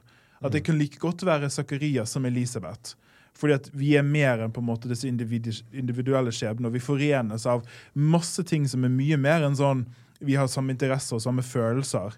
Vi forlater Zakarias idet vi blir Johannes, hans sønn. Det er ikke tilfeldig. Nei, nei. Og det er jo også noe bibelsk i det, da. Ja, ja. Og jeg tenker også på sånn OK, jeg skal, nå kommer historien er ferdig nå. Vi, nå skal jeg løse opp i alle trådene her. Dette var det som skjedde, og dette skjedde, og dette skjedde, og dette skjedde. Men hva som skjer etter døden, se så, det har vi ikke noe peiling på. Mm. Så den, den jeg la, men jeg skal minne dere på ved å legge inn dette lille ikke, okkulte temaet her. ved å legge dette på slutten, skal bare minne dere på at hva som skjer etter døden, det har vi ingen peiling på. Så Nei. takk for meg, ha det bra, kos dere med boka. Traume, traume, traume. Det som er så søtt med Karl Frode, er at jeg har jo en av de som har hørt underveisepisoden min, der jeg snakker og prøvde å finne ut hvem han var, Ja. eh, så er det et sånn hysterisk intervju. Ja, det, Jeg hørte du det? Jeg hørte det var kjempegøy. Jeg, Bare ta det for de som ikke har hørt det. Så der, eh, Han vant en pris, da, som er selvfølgelig gledelig. Eh, og så har de drevet og intervjuet han om denne boken, for det var den han vant pris om. Og svaret hans på alle spørsmål er sånn 'Jeg vet ikke'. og jeg tror at det er jo det som er Ja. kunst, på en måte. At du Det er ikke alltid du vet. Det bare føles ekte, da. Jeg jeg er blodfan av Ja, uh, det her var av- flott, ass. Ja, jeg skal fortsette å lese alt han kommer med. Jeg Ja. jeg elsker det. Eh, Kom med noe nytt, eh, Karl Frode, så kan vi lese, det, lese Ja. den nye romanen din. Du, vi skal ut i en ny epoke av livene våre, og denne podkasten som har blitt en ettåring, skal begynne å stå på egne bein. Jeg vet ikke hvor jeg skal med denne metaforen. eh, Ja. Skal ta bussen med en hårklipp i håret. Og stjele en hund. Stjele neste som skjer du stjele hund. Eh, du har valgt neste bok, men før vi tar det, så er det noe spesielt nå. Ja. Nå begynner vi å gjøre disse greiene her live. Vi syntes det var så gøy å gjøre det foran et publikum på Litteraturfestivalen på Lillehammer. Ja, helt nydelig. Så vi vil gjøre mer av det. Det vil vi. Så vi har inngått nå et eh, samarbeid med Deichman. eh, og kommer til å gjøre en serie av denne podkasten de neste tre episodene. Kommer til å være live. Men det s- Det er for det lyst til å si. Så det er bare å møte opp. Men! For det er, det er det. Det er bare å møte opp på alle de, bortsett fra den neste. Ja, for Med den- mindre noe spesielt har skjedd. Neste kan bli et slags lukket event, tror jeg vi kan si. Ja. Vi skal Ja, neste skal vi ha uh, live inne fra Oslo kretsfengsel. Og det er ikke en vits. Nei, det er ikke en vits. Det er 100% det vi skal. Så jeg har allerede tipset bibliotekaren på kretsfengselet om hvilken bok som kommer. Eh, Så forhåpentligvis er det allerede noen innsatte i gang med å lese den. Ja. Vet ikke. Og så får det gå som det går. Ja. De neste to kan du komme på. Ja, det, ja, det kan du. 26.10. så er vi på Deichman Romsås. Jeg skammer meg, jeg måtte slå opp på kartet hvor det var. Jeg har ikke vært der før. Nei. Og den 29.11. så er vi på Deichman Holmlia. Ja, der er det kliss nytt eh, bibliotek. Det skal bli gøy å se. Så der er det åpent gratis å komme. Håper vi ser dere der. I fengselet vil vi nok uh, ikke se deg, eller noen av dere vil vi kanskje se. Kan hende. Uh, du, har, du har på en måte teasa den boken du har valgt. Nei, du, jeg syns det var kjempevanskelig. ja, det, det er Fordi, vanskelig. for nå måtte jeg velge For første gang så tenkte jeg nå må jeg velge litt med tanke på Eller nå vet jeg uh, Vi skal jo i herrefengselet nå. Det er bare mannlige innsatte Jaha. der. Så det var en tanke. Skal vi se. Ikke at det legger noen føringer, sånn sett, men da, du vet mer om publikummet ditt. da. Du kan fjerne bort eh, noe. Ja, ja, det er sant, det. Og så har det øh, Så tenkte jeg ja, hva Hva, hva Er det noe Er det noe et ønske. Når man, hva, hva ville jeg hatt lyst til å lese om jeg satt bura inne? Eh, så tenkte jeg at det var en klisjé. ah, for- Jeg hadde faktisk tenkt nå at det hadde vært gøy å lese krim omtrent på dette tidspunktet. Fordi, det må vi bare si før vi går videre, det er noe som leses mye av i fengselet. Ja, eh, og jeg hadde tenkt at nå eh, at Hadde dette vært et bra tidspunkt sånn for oss, for denne podden Ja, for vi har ikke lest, vi har ikke lest noe særlig krim. Nei, eh, så tenkte jeg litt for klisjé, eller? ja, ja, Ja, tenkte jeg, så jeg droppa det. Okay. Så jeg tenkte jeg ville ha noe som var litt mer eventyraktig. Oi! Altså at man følte at man på en måte var et annet sted. At man kunne drømme seg bort litt. Men Ja. ikke på fremmede planeter. Men- Ikke sci-fi. Nei. Men jeg tenkte noe som gjør at Ja. Så, mm, ja. Og så bare plutselig så dukket det opp den her. Det er eh, Karl Ove Knausgård har en sånn greie bakpå her. Hva heter det? Blurb. Ja. En rystende bra roman. Den hører til der oppe med de aller største. eh, De som du husker for resten av livet. OK. Og det tenkte jeg, vet du det holder for meg. Eh, Så jeg leste, jeg leste litt om hva som var handlingen også. Du kan se. Denne skal vi lese. Skal vi se. Dette er altså Fin, fin å se på. Aldri hørt eller sett. Ikke jeg heller. Jeg hadde ikke det, jeg heller. Det er fra, men det er fra et eh, forlag som vi er glad i, Pelikanen. Eh, det er 'Dresinen' av Carl Henning Wichmark. Wichmark? Jeg tror den er fra 80-tallet. Jeg- Ville du sagt det? jeg- Vikmark. Vikmark. Karl Henning Vikmark. Han er er svensk. eh, svensk forfatter, ja. Eh, 1934 født. Debuterte i 1972 med romanen 'Jegerne på Karinhall'. Eh, Å, gud bedre. OK, jeg leser den første biten av baksiden her, om hva det handler om. Vi befinner oss ved Kongofloden rundt utbruddet av den første verdenskrigen. En jesuitisk prest Molin er stasjonert på, den, eh, på en kolonial utpost og gjør der et merkelig bekjentskap. Tre menneskelignende aper oppholder seg i nærheten og er like nysgjerrige på Molin som han er på dem. Sammen legger de etter hvert ut på et eventyr som skal føre dem over halve kloden, langs en rute som også krysser grensene mellom menneske og dyr, sivilisasjon og barbari. For her var det for meg. En mann, en prest og tre aper krysser halve jordkloden. Vet du hva? Dette er, dette er mat når man sitter eh, fanget på du- åtte kvadrat, tenkte jeg. Jeg bare Ja, for her håper kan fantasien fly, liksom. Jeg håper at den er Og så var det jo da Han har fått gode kritikker. Så, kjenner ikke til forfatteren, kjenner ikke til boka. Aldri håper ikke jeg meg ut. Veldig morsomt. du. Håper ikke jeg meg ut. Det kan, jeg, kan jo hende at vi står foran en ny Faust, og at, jeg, ja, at det blir en katastrofe der inne. Jeg håper ikke det. Jeg kan si, Basert på den lille innsalget der, så tenkte jeg dette er jeg 100% interessert i. Ja, jeg også ble det. Det, er, det, det, det i seg selv var holdt i massevis for meg. Ok, jeg, må, jeg skal lese neste del òg, men jeg bare må. 'Dresinen' er en fantastisk røverroman, et blendende stykke fortellerkunst, en knivskarp allegori over den vestlige verdens framskrittsoptimisme, fylt av et overskudd som på stadig nye måter sprenger seg vei gjennom muren vi har satt opp mellom naturen og kulturen. Ja, for det, er sånne ting er jeg glad i. Vet Ja, det er jeg jo veldig glad i. Jeg er glad i det derre hvordan- Hva er det vi Hva er det vi holder på med, liksom, her i Vesten? Og, ja, og er det noe dyrevelferd et eller annet sted inne her, så syns jeg det er gøy òg. Nei, du, okay, vi får se. Spenstig valg. Eh, Ja. Det er den eh, Altså, du, Litt tjukk, eh, det må jeg bare Ja, men, men god plass på sidene, da. Den er ja. ikke sånn, Dette klarer vi. Eh, hvis du nå er lei deg for at du ikke er satt inn i fengsel, så kommer vi selvfølgelig til å slippe episoden som vanlig i podform. Ja, ja. Og det gjelder jo òg de andre livearrangementene.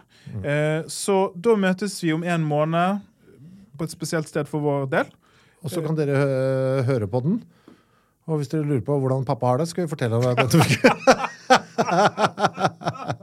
Ha det! Ha det. Denne podkasten er produsert av Henry.